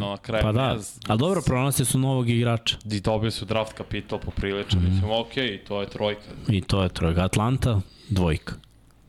Atlanta mi je jedan, brate. Dobro. Atlanta mi je jedan. Od... Ali ja ne volim da šaljem na avgust, ali Atlanta, oko, ušli su u playoff. jedva. Dobro, ušli su, jedva ne jedva. Ušli su i to ispred Miami. Miami, Četiri. Pet. Finale veliko, Nisu bila očekivanja. Makar nisu, nisu, bila baš su iznenadili. pred kraj sezone. Sa 44 pobede u velikom finalu, brate, zaslužili su peticu. Pet. Realno. Chicago, pa dvojka, nažalost. Pa ja isto, mislim, Nije- možda tri, ne znam, dva. I za njih i za Toronto. Da, tamo. To je ono, mora da, nešto da. se menja. Mora nešto se menja. Indiana, Pa tri. Našli su par mladih igrača i našli su uh, zvezdu u Halliburtonu i mislim da Maturin isto će tek izrasti u vrlo dobrog igrača, pre svega back shootera, tako da tri. Washington, Jedan. Orlando. Ja ću Washingtonu dva, ja neću nikome da dam keca. Dobro, tri. U stvari daću keca Detroitu. To je jedini kec. Ali ne može, ispod 20 pobjeda, od Dobro, 82 mora imaš keca. Dobro, to da. Orlando, Tri. trojka, Charlotte, dvojka. A dvojka, dosta povreda. Malo Dosta. smo mi pričali o Charlotte plus Jas, pa nema šta. Bridges nije igrao, Nije. Mikel Bridges, ne? Kako se zove? Miles Bridges. Ma, ovo je, Zbog problema sa zakonom na kraju nije igrao Da. čitavu sezonu zašto nema ugovor. Lamelo Onda će se povredio. Lamelo se povredio, to je baš bilo ono, negledljivo. Da, i sad je Jordan prodao većinsko vlasništvo. Sve mi ga nešto žao. Detroit. Jedan. A i on će imaju po, problem s povredom. A imali su. Kanić brat, igrao većinu sezone. ne može 17 pobjeda. E, dobro, pazi, Utah sada, Utah ja ih vidim i dobro, Utah, Utah je mogla da igra u play-offu i prošle godine, pa nije. Ne znam da li ima, mnogo mi sviđa Taylor Hendricks sa UCF-a. Može i da proširi, to je da raširi teren, da ako razvije lepo šut, ima dobru mehaniku, da bude dobar šuter za poziciju 4, što Kolnic izgleda nikad neće razviti. Mislim da njima pre svega treba playmaker sada, jer Sexton nije play. Jordan Clarkson je dva koji ima igračku opciju, možda će biti slobodan agent. Da, on, treba- on će... Beković zapravo. Mhm. Sad vidim koga smo uh, draftovali još. Ma Da, polako. Keonte George sa Baylor, on je back shooter, klasičan pointer. Tako da njima treba playmaker za sada. Ni, ni, nisu ono, vapili za četvorkom kao što je Collins, to hoću da kažem. Mm. Lep potez i dali su Rudy Gea što će više značiti Atlante. Mislim, to bolje za Atlantu je oslobađa svoj cap sada i mnogo se lakše diše iz tog aspekta. Znači ipak je Rudiger, ne Ricky Rubio koji je neko napisao. Ne, ne, Rudiger, Rudiger. To to. Ajde, ajde da odgovaramo na pitanje. Ljudi, A. krećemo pitanje i odgovori, dajemo vam 15 minuta. Pš, pš, pš. Nije Ricky Rubio u Clevelandu. Ne? Pa ne za, zato vidim da je neko napisao pa rekao šta se ovde desilo. Ali posle su svi napisali Rudi. Tako da ima smisla. Neko je pitao za veštačku hrskavicu u kolenu Lonza Bola. S tim je nemoguće igrati košarku da samo skačeš i, i pritiskaš je, ne, nema šanse. Ako to A zna. ona se stvarno ne obnavlja, znači ne, neće se ona obnoviti, ali dobro, ta medicina, ko zna, Mislim nisu dalje našli rešenje za nisu naše rešenje sad, desit će se u budućnosti. Ne, ne znam, nego trenutno je ta situacija njegova jako teška. On, mislim, znaš šta, i rizikuješ malo da isforsiraš da se vratiš i onda budeš bogilj do kraja života, da, da li je to vredno. Nije trebao da nosi ćaletove patike, brate. Pa nije, brate. Veš da je stvarno do toga. Pa evo, ovo, ovo ti karton, pa skači godinu dana pa da te vidim kako će da bude, brate, si lud. I on je to rekao isto, patika nije bila spremna za, nisu je napravili dobro za tu Da. prvu godinu, kad je on morao to da uradi zbog brendiranja. Znači sve se vrtilo oko toga, znaš, da su sačekali godinu dana ne bi to bilo to, moralo da se desi tog dana. Ali tog dana ni- nisu Kako se beše zvao brand? Big Baller. BBB, Big Baller Brand. Da, Triple B. Triple B. Pa dobro. Mislim, Lavar je legenda, ali zato Alonso ostao bez noge. Ili nogu.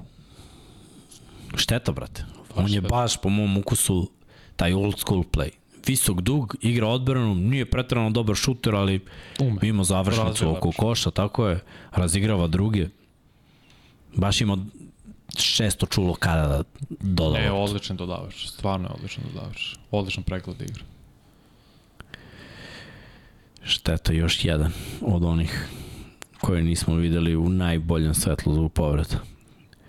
I to ne samo u ovom sportu. La, la, la, la, koliko povred. Bankero Italija, neće Neće. biti Italija. Baš me to razočarao, iskreno. Što?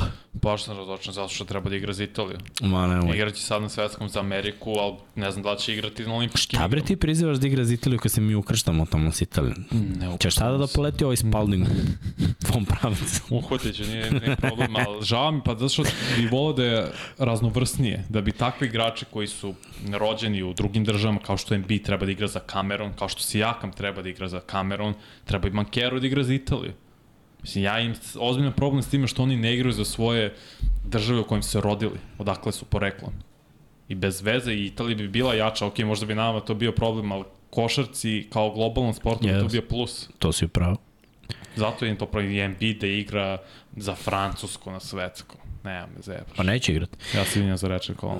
A, Neće igrati za Ameriku. osetili, jeste, os, da, jeste, jeste osetili zemljotres? Ne. Ja nisam ništa. Srki? Ovde ne možeš da osjetiš ništa. Aha, Hla, toliko je hladno da ne osjećam. da. Ja sam čuo da vulkan može da te skenju se. Šta je opasnije, vulkan ili zemljotres? Zavisi gde si. I to je tačno. Zavisi gde si. I kako Srki ima ove iskusne odgovore. E, naučni. Alterna... Kaži. Ne, samo dajte preciznu lokaciju. Precizna lokacija. Dobro, da, o, kaže blizu granice s Rumunijom, znači e, daleko smo od epicentra. Da, ni Vembanjama neće igrati ni svetskom za Francusku. Spremat će se za... Da, da, pa to ima smisla. Pa da, okej, da. Kad- bit će za olimpijske igre, ipak se održavaju u Parizu i rekao je njegov, njegov cilj je želja je da osvoje zlato na tim olimpijskim igrama. Pa to je naša želja već godinama, pa ništa. A dobro. Kad bude bilo u Beogradu olimpijske igre, onda... Znaš kada će pored Amera na olimpijadi da osvoje? Ne znam, dobar tim je Francuska, bit će zanimljivo vidjeti. Pa neće biti isti tim za... I ako bude igrao Embiid, on pet, ovi četiri, malo teško da čuva. Je, vidiš ti, brate, ovaj, on kod navija za... Obuci onaj Lab 76 plavi duks, brate. Jedno su mu rekli da je vladan kao guška. Da. Novinarski. Umesto malo pristrasa, upali klimu, brate. Da? Pa da ga oladimo malo. Alternativa za Miami ako ne uspe Lillard, možda Westbrook ili Miles Turner, koja je vaša alternativa? Puh, Ne, ne treba Miles Turner. da. Alternativa je bio Bradley Bill zapravo. Mm, Ali ovako, mislim, ne znam ko bi to mogu, neki ko sad gledaš playmakere, ne znam koji tim bi dao svog playmakera tek tako. Možda čak i CJ McCallum da pozovu Pelicans. Ali uopšte ne preterujem. Treba ti koš getter, ne treba ti nužno play, za to može trebati back u suštini. Zašto ne, zašto ne pozoveš Pelicans i vidiš šta treba za CJ McCallum? Opet treba da uzmemo obzir da će se vratiti Tyler Hero, ako bude ostao u Miami, on ti 20 pojena po meču. Tako da, ne znam da li je neophodna alternativa za Lillarda. Mislim da je Lillard jedina opcija, ako ne bude, onda idu sa ovim timom. Ne znam koga, da li ti imaš nekog Miles Turner, meni nema smisla. To znači da Adebayo treba da igra četiri. da. A Debaja Ali, nije ok, baš... Da, ali Turner da radi stretch, što i radi, on je dobar šuter za 3 mm. poen za centar. Mislim, može da se uklopi, ako neko to može, to može Spolstra i Pat Riley, a to sa- zaista ne su. Brate, onda nema mesta za Jovića, ne sviđa mi se. Pa to da. Hoću Jović da, da bude tu streč. Uh, kažu, Kraljevo se baš osetilo. Wembley to Miami. Wembley to Miami. Ne znam, ne znam da li imaju cap. To baš mora bude neki sign and trade onda sa Toronto. Mm. Nemaju cap za to. Mislim, može Pat Riley sve da izmisli. U to sam prestao da sumnjam odavno, ali to mora bude sign and trade i to mora da ide hero ili verovatno hero u suprotnom smeru. I možda par pikova, ne nužno ono što bi dali za za Dame Lillarda, ali mora sign and trade da bude.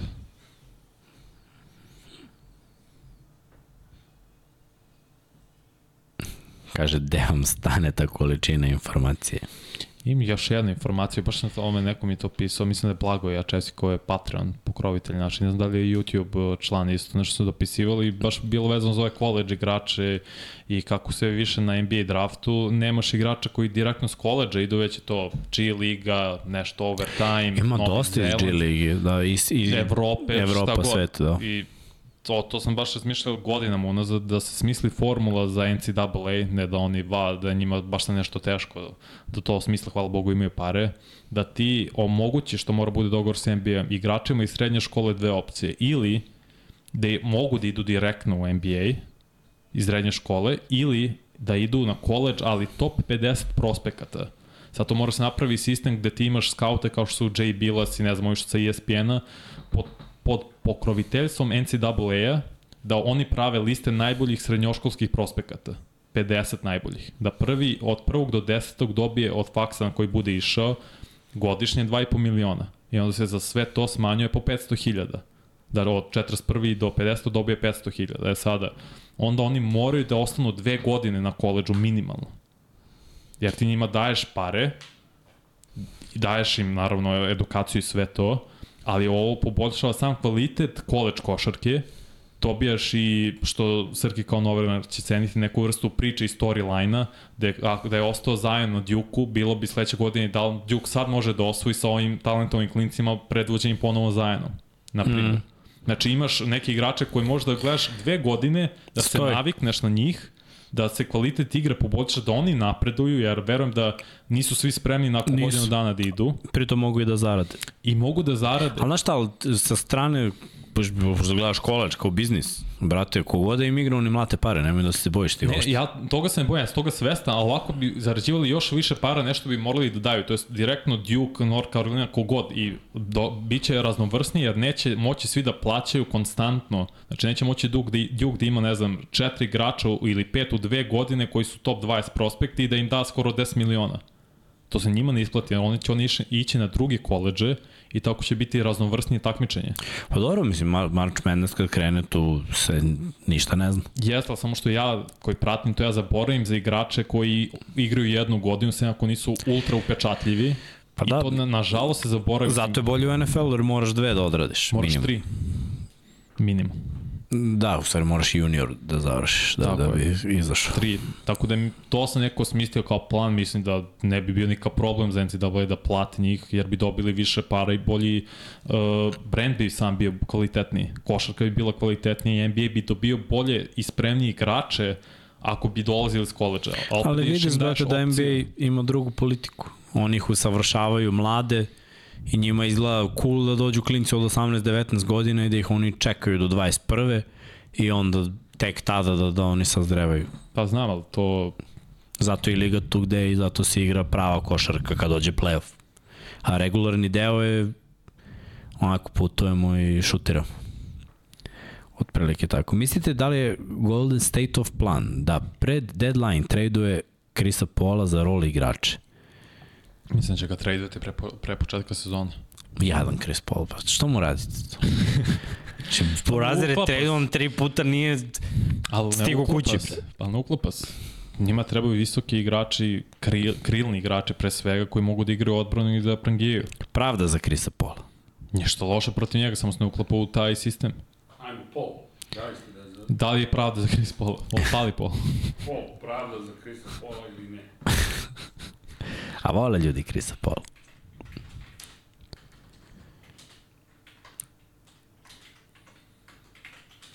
Vole, mislim, oni ga ja, meni žao što nije završio Lakersima 2011. Da, pitaju bio- ljudi da li koleđ, pitao Ognja da li koleđ igrači zarađuju, zarađuju, ima već nekoliko godina kako postoji ta name, politika. Uh, name, image i likeness, NIL ugovori. Hmm.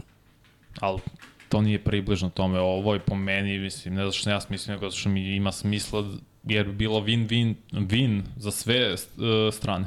NBA dobije kvalitetnijeg, boljeg igrača, spremnijeg da odma uh, doprinese nekom timu, college dobija igrače na dve godine, najbolji igrače uglavnom, mislim, redko koji srednjoškolac će izabrati, ok, idem sad direktno u college, zato što mogu, pre svega, redko ko može, nego lakše dobijem edukaciju, dobijem dobre pare, igram sport koji najviše volim i nemam uh, muka u smislu, nemam tih sad problema kad odem na NBA i tražim stan, tražim ovo, tražim ono.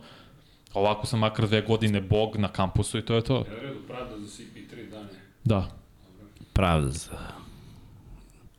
Ne znam kome da pišem to za NCAA da im to predložim kao ideju, ali naći ćemo i, i, to, i, i tom čoveku mail ili njima. 50-50. Le, Da. 50-50 gori ovde kući. koliko, koliko Broni zarađuje? 6-7 milki. Ali da, ali to je Od svega, mislim. devet, ja mislim da će doći čak. Ali to je sin od LeBron James. Dobro. Koji opet, meni sada, kad me pitaš, je kraj prve runde igrač. Ako napreduje, mislim, super, ali trenutno kako gledamo, on je jedva prva runda, a on je ipak sin od Lebrona Jamesa i zato ima tolike, dobija tolike pare. Lepo je biti sin od Lebrona. Caleb Williams ne dobija takve pare kao najbolji quarterback u, na college. A idu na isti faks. USC. Jer ja nisam Guzunjin sin. ima i riblja čorba, ali ima i protiv VG. If you know what I mean. Uh, Denveru fali još jedna zvezda ili solidan igrač, ma njima ništa ne fali Solidan ljudi. igrač. Ako ode Brown. Ako ode Brown, treba takav neki igrač. A pitaju za Derika Rose. Gde bi on mogao? ugovor. Odbili su ugovor Nixi koji je bio 15 miliona, tim opcija. Gde će da i Rose? Ne znam, zašto je malo igra prošle godine, ne znam koliko još ima u, ono, u sebi da igra NBA. Nažalost. Mislim, koji je imao 15. sezona završena, zvanično, od 2008. je u NBA tad je draftovan. Ne znam koliko još može. I koliko može da, da doprinese, što ga nismo videli. Prošle godine je bio dobar. Ajde, di Rose u Denver da uzmeš i ti prst. Šta kad je mogo Ish Smith, može i di Rose. Pa dobro. Ja bih volao da ga vidim negde da igra. Onda ima 20 minuta kao rezerva. Backup playmaker. Jer mi ne objašnjava zašto sad ove godine s Nixem nije dobio nikakvu priliku. Pa da, nikom nije jasno, iskreno. Stvarno, bilo je, On i bilo je prostora. Isto nije Bilo je baš, prostora Tipo, dosta. to je samo rekao ne. Da, ti bude ima, on vas da imao svoje politike, nije to ništa novo kod njega. Uh, dobro, ljudi, evo, ajde da kažemo ovako, mi ćemo što se tiče ovih slobodnih agenata već u četvrtak napraviti listu i pričati o tome ko koliko zarađuje, ko koliko želi da zarađuje, kolika je bila opcija za svakog igrača, pričat ćemo o tome i izdvojit ćemo te igrače koji su pa da kažemo najbolji, ne volim da tako se frljamo, ali da kažemo najbolji slobodni agenti trenutno. Znači, Mislim, na mi- svakoj poziciji po 10. Si lud, brate. Yes. To je 50 igrača. Jeste. Nećemo svima, samo da vide. Nećemo svima pričati, nego samo da vide ono po pozicijama, pa dotaćemo se prvih 3-4.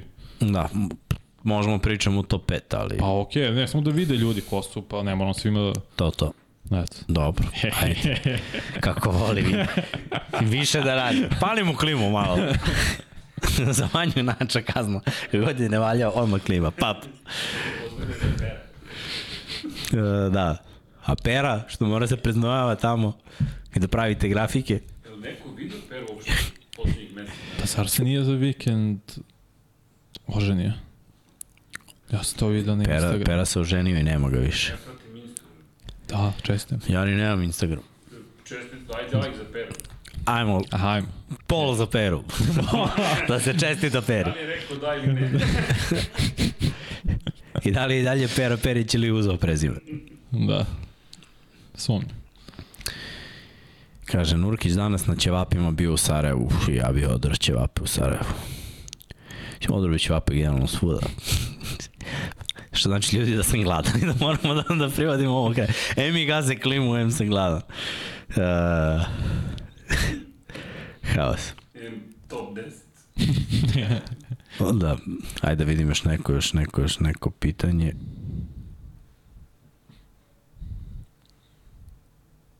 Mhm.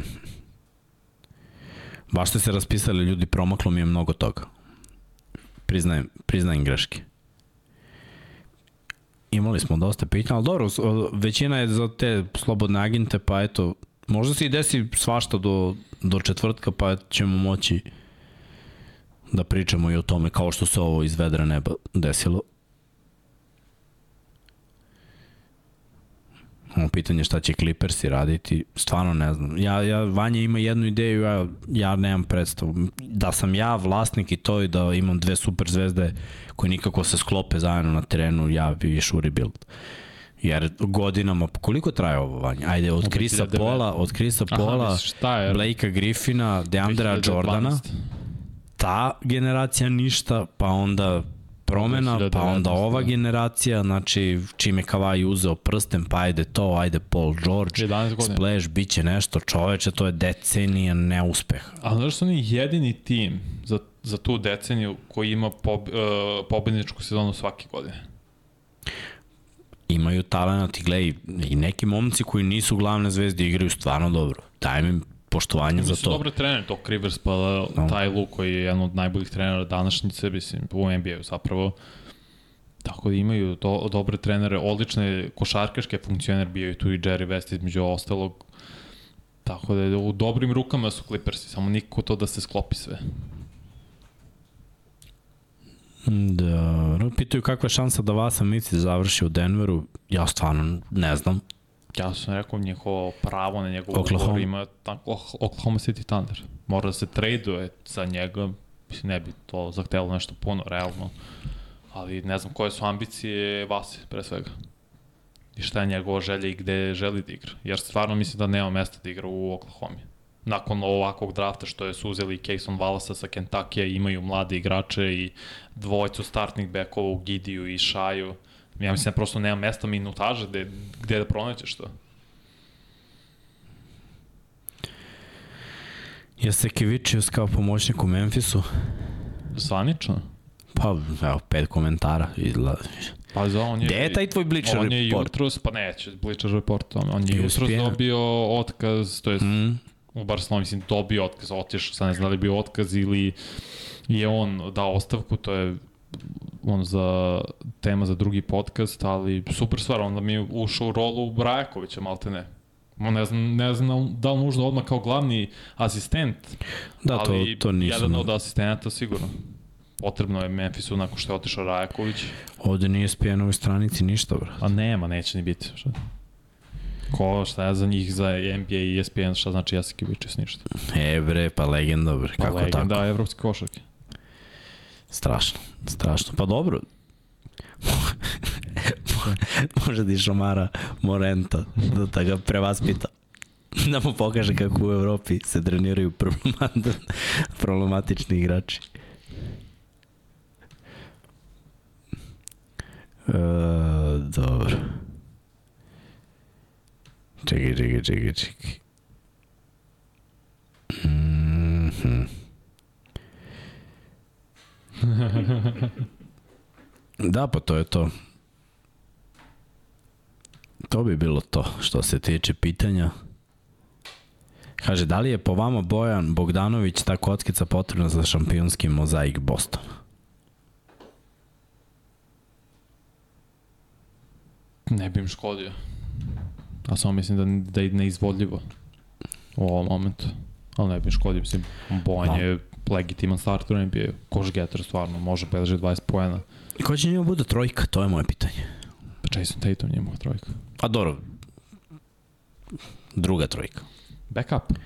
Misliš da Brogdon ne, Brogdon ostaje? Je... Ide?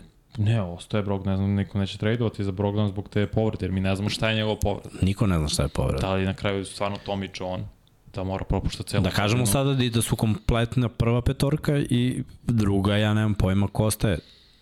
Pa evo sad gledam, Brogdon, Pritchard, Hauser, Grant Williams, možda ne ostaje Grant, Grant Williams. Williams. ja mislim da ne ostaje, mislim, ne znam, mogu prečesto, da potpišu, ali... Prečesto ga, brate, ne ubace u igru, uopšte, na tekmi. Da, u play-offu da, u regularnom delu sezoni ima minutaž. Pa, ne znam. Ali fali, fali, malo su sada plići, što se tiče kluba.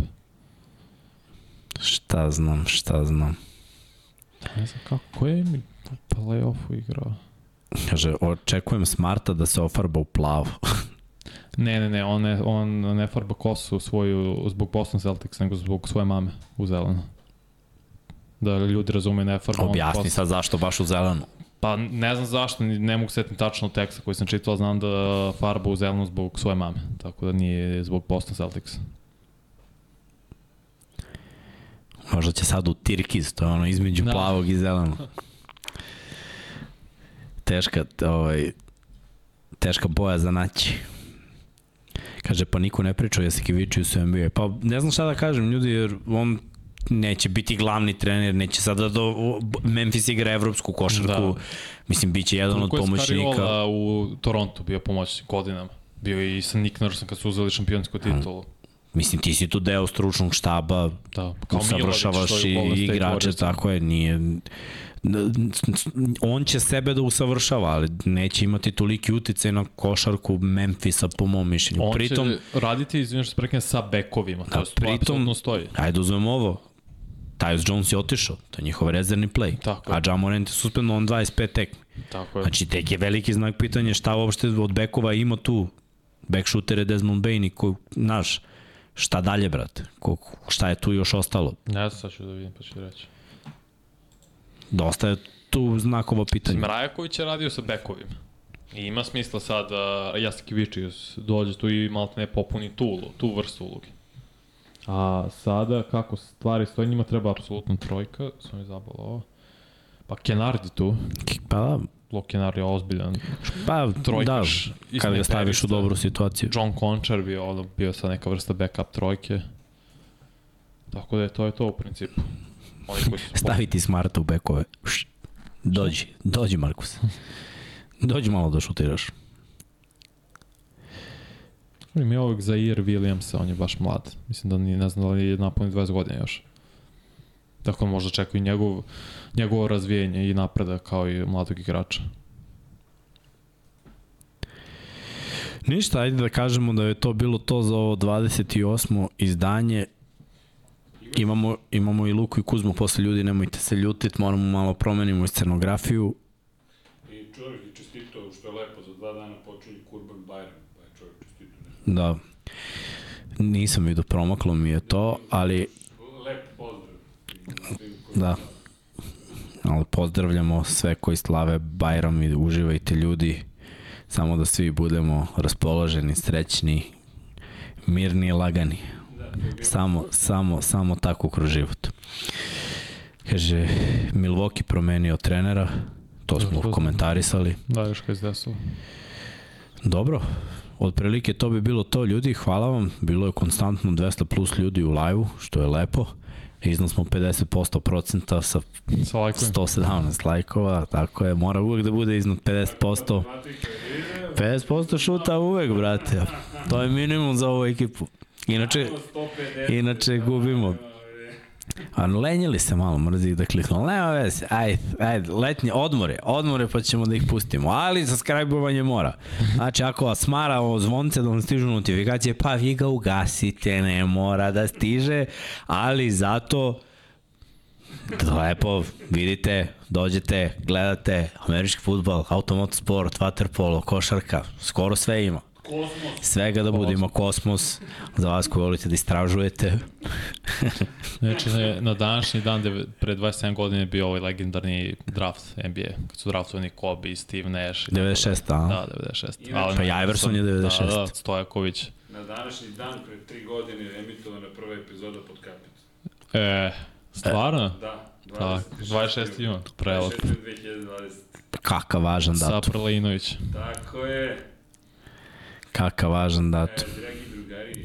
A, to bi bilo to, ljudi, da, da ne mučimo ovde Srkija više i on se preznoji ovde bez klime, da Vanja može da skine duks. Pravda i za Vanju, inače pravda za prekidam ovu anketu dok Chris Paul pobeđuje 51%. Ja. Pe- 50%, 49 za ne i sram vas bilo legendu Krisa Pola niste, niste ispoštovali Kaže Lazar Ivanović na današnji dan pre 20 godina Darko Milipčić. Darko. Da, i taj draft je bio 2003. isto, 26. Darko, Lebron, Wade, Carmelo, Bosch i tako dalje, i tako dalje. Da. Dobro bilo je, ali ovaj 96. meni najbolji taj mi nekako.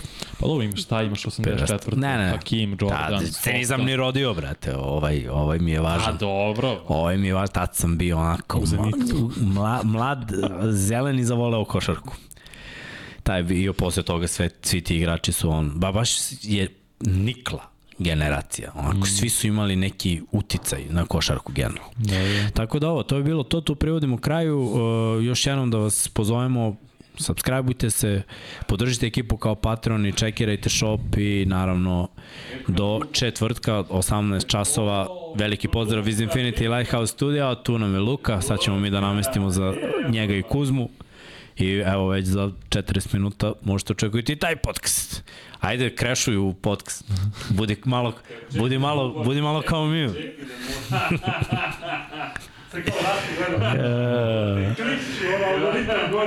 E sad sve ostaje na ovom ozbiljnom srđanu, samo da pustiš picu da, da, da privede ovaj podcast kraju. E, gotovo. A? Neće nečat. Da. Vidiš atmosfera. Špice. Vraćamo srđana velikog u realizaciju. Šta, šta sam super radio? Čovječe, završavaj. Pakuj kablove, motaj. Otvari, čekaj. Vidimo se ljudi u četvrtak u šest. Čekaj, čekaj, Patreoni. Stižu. Stižu.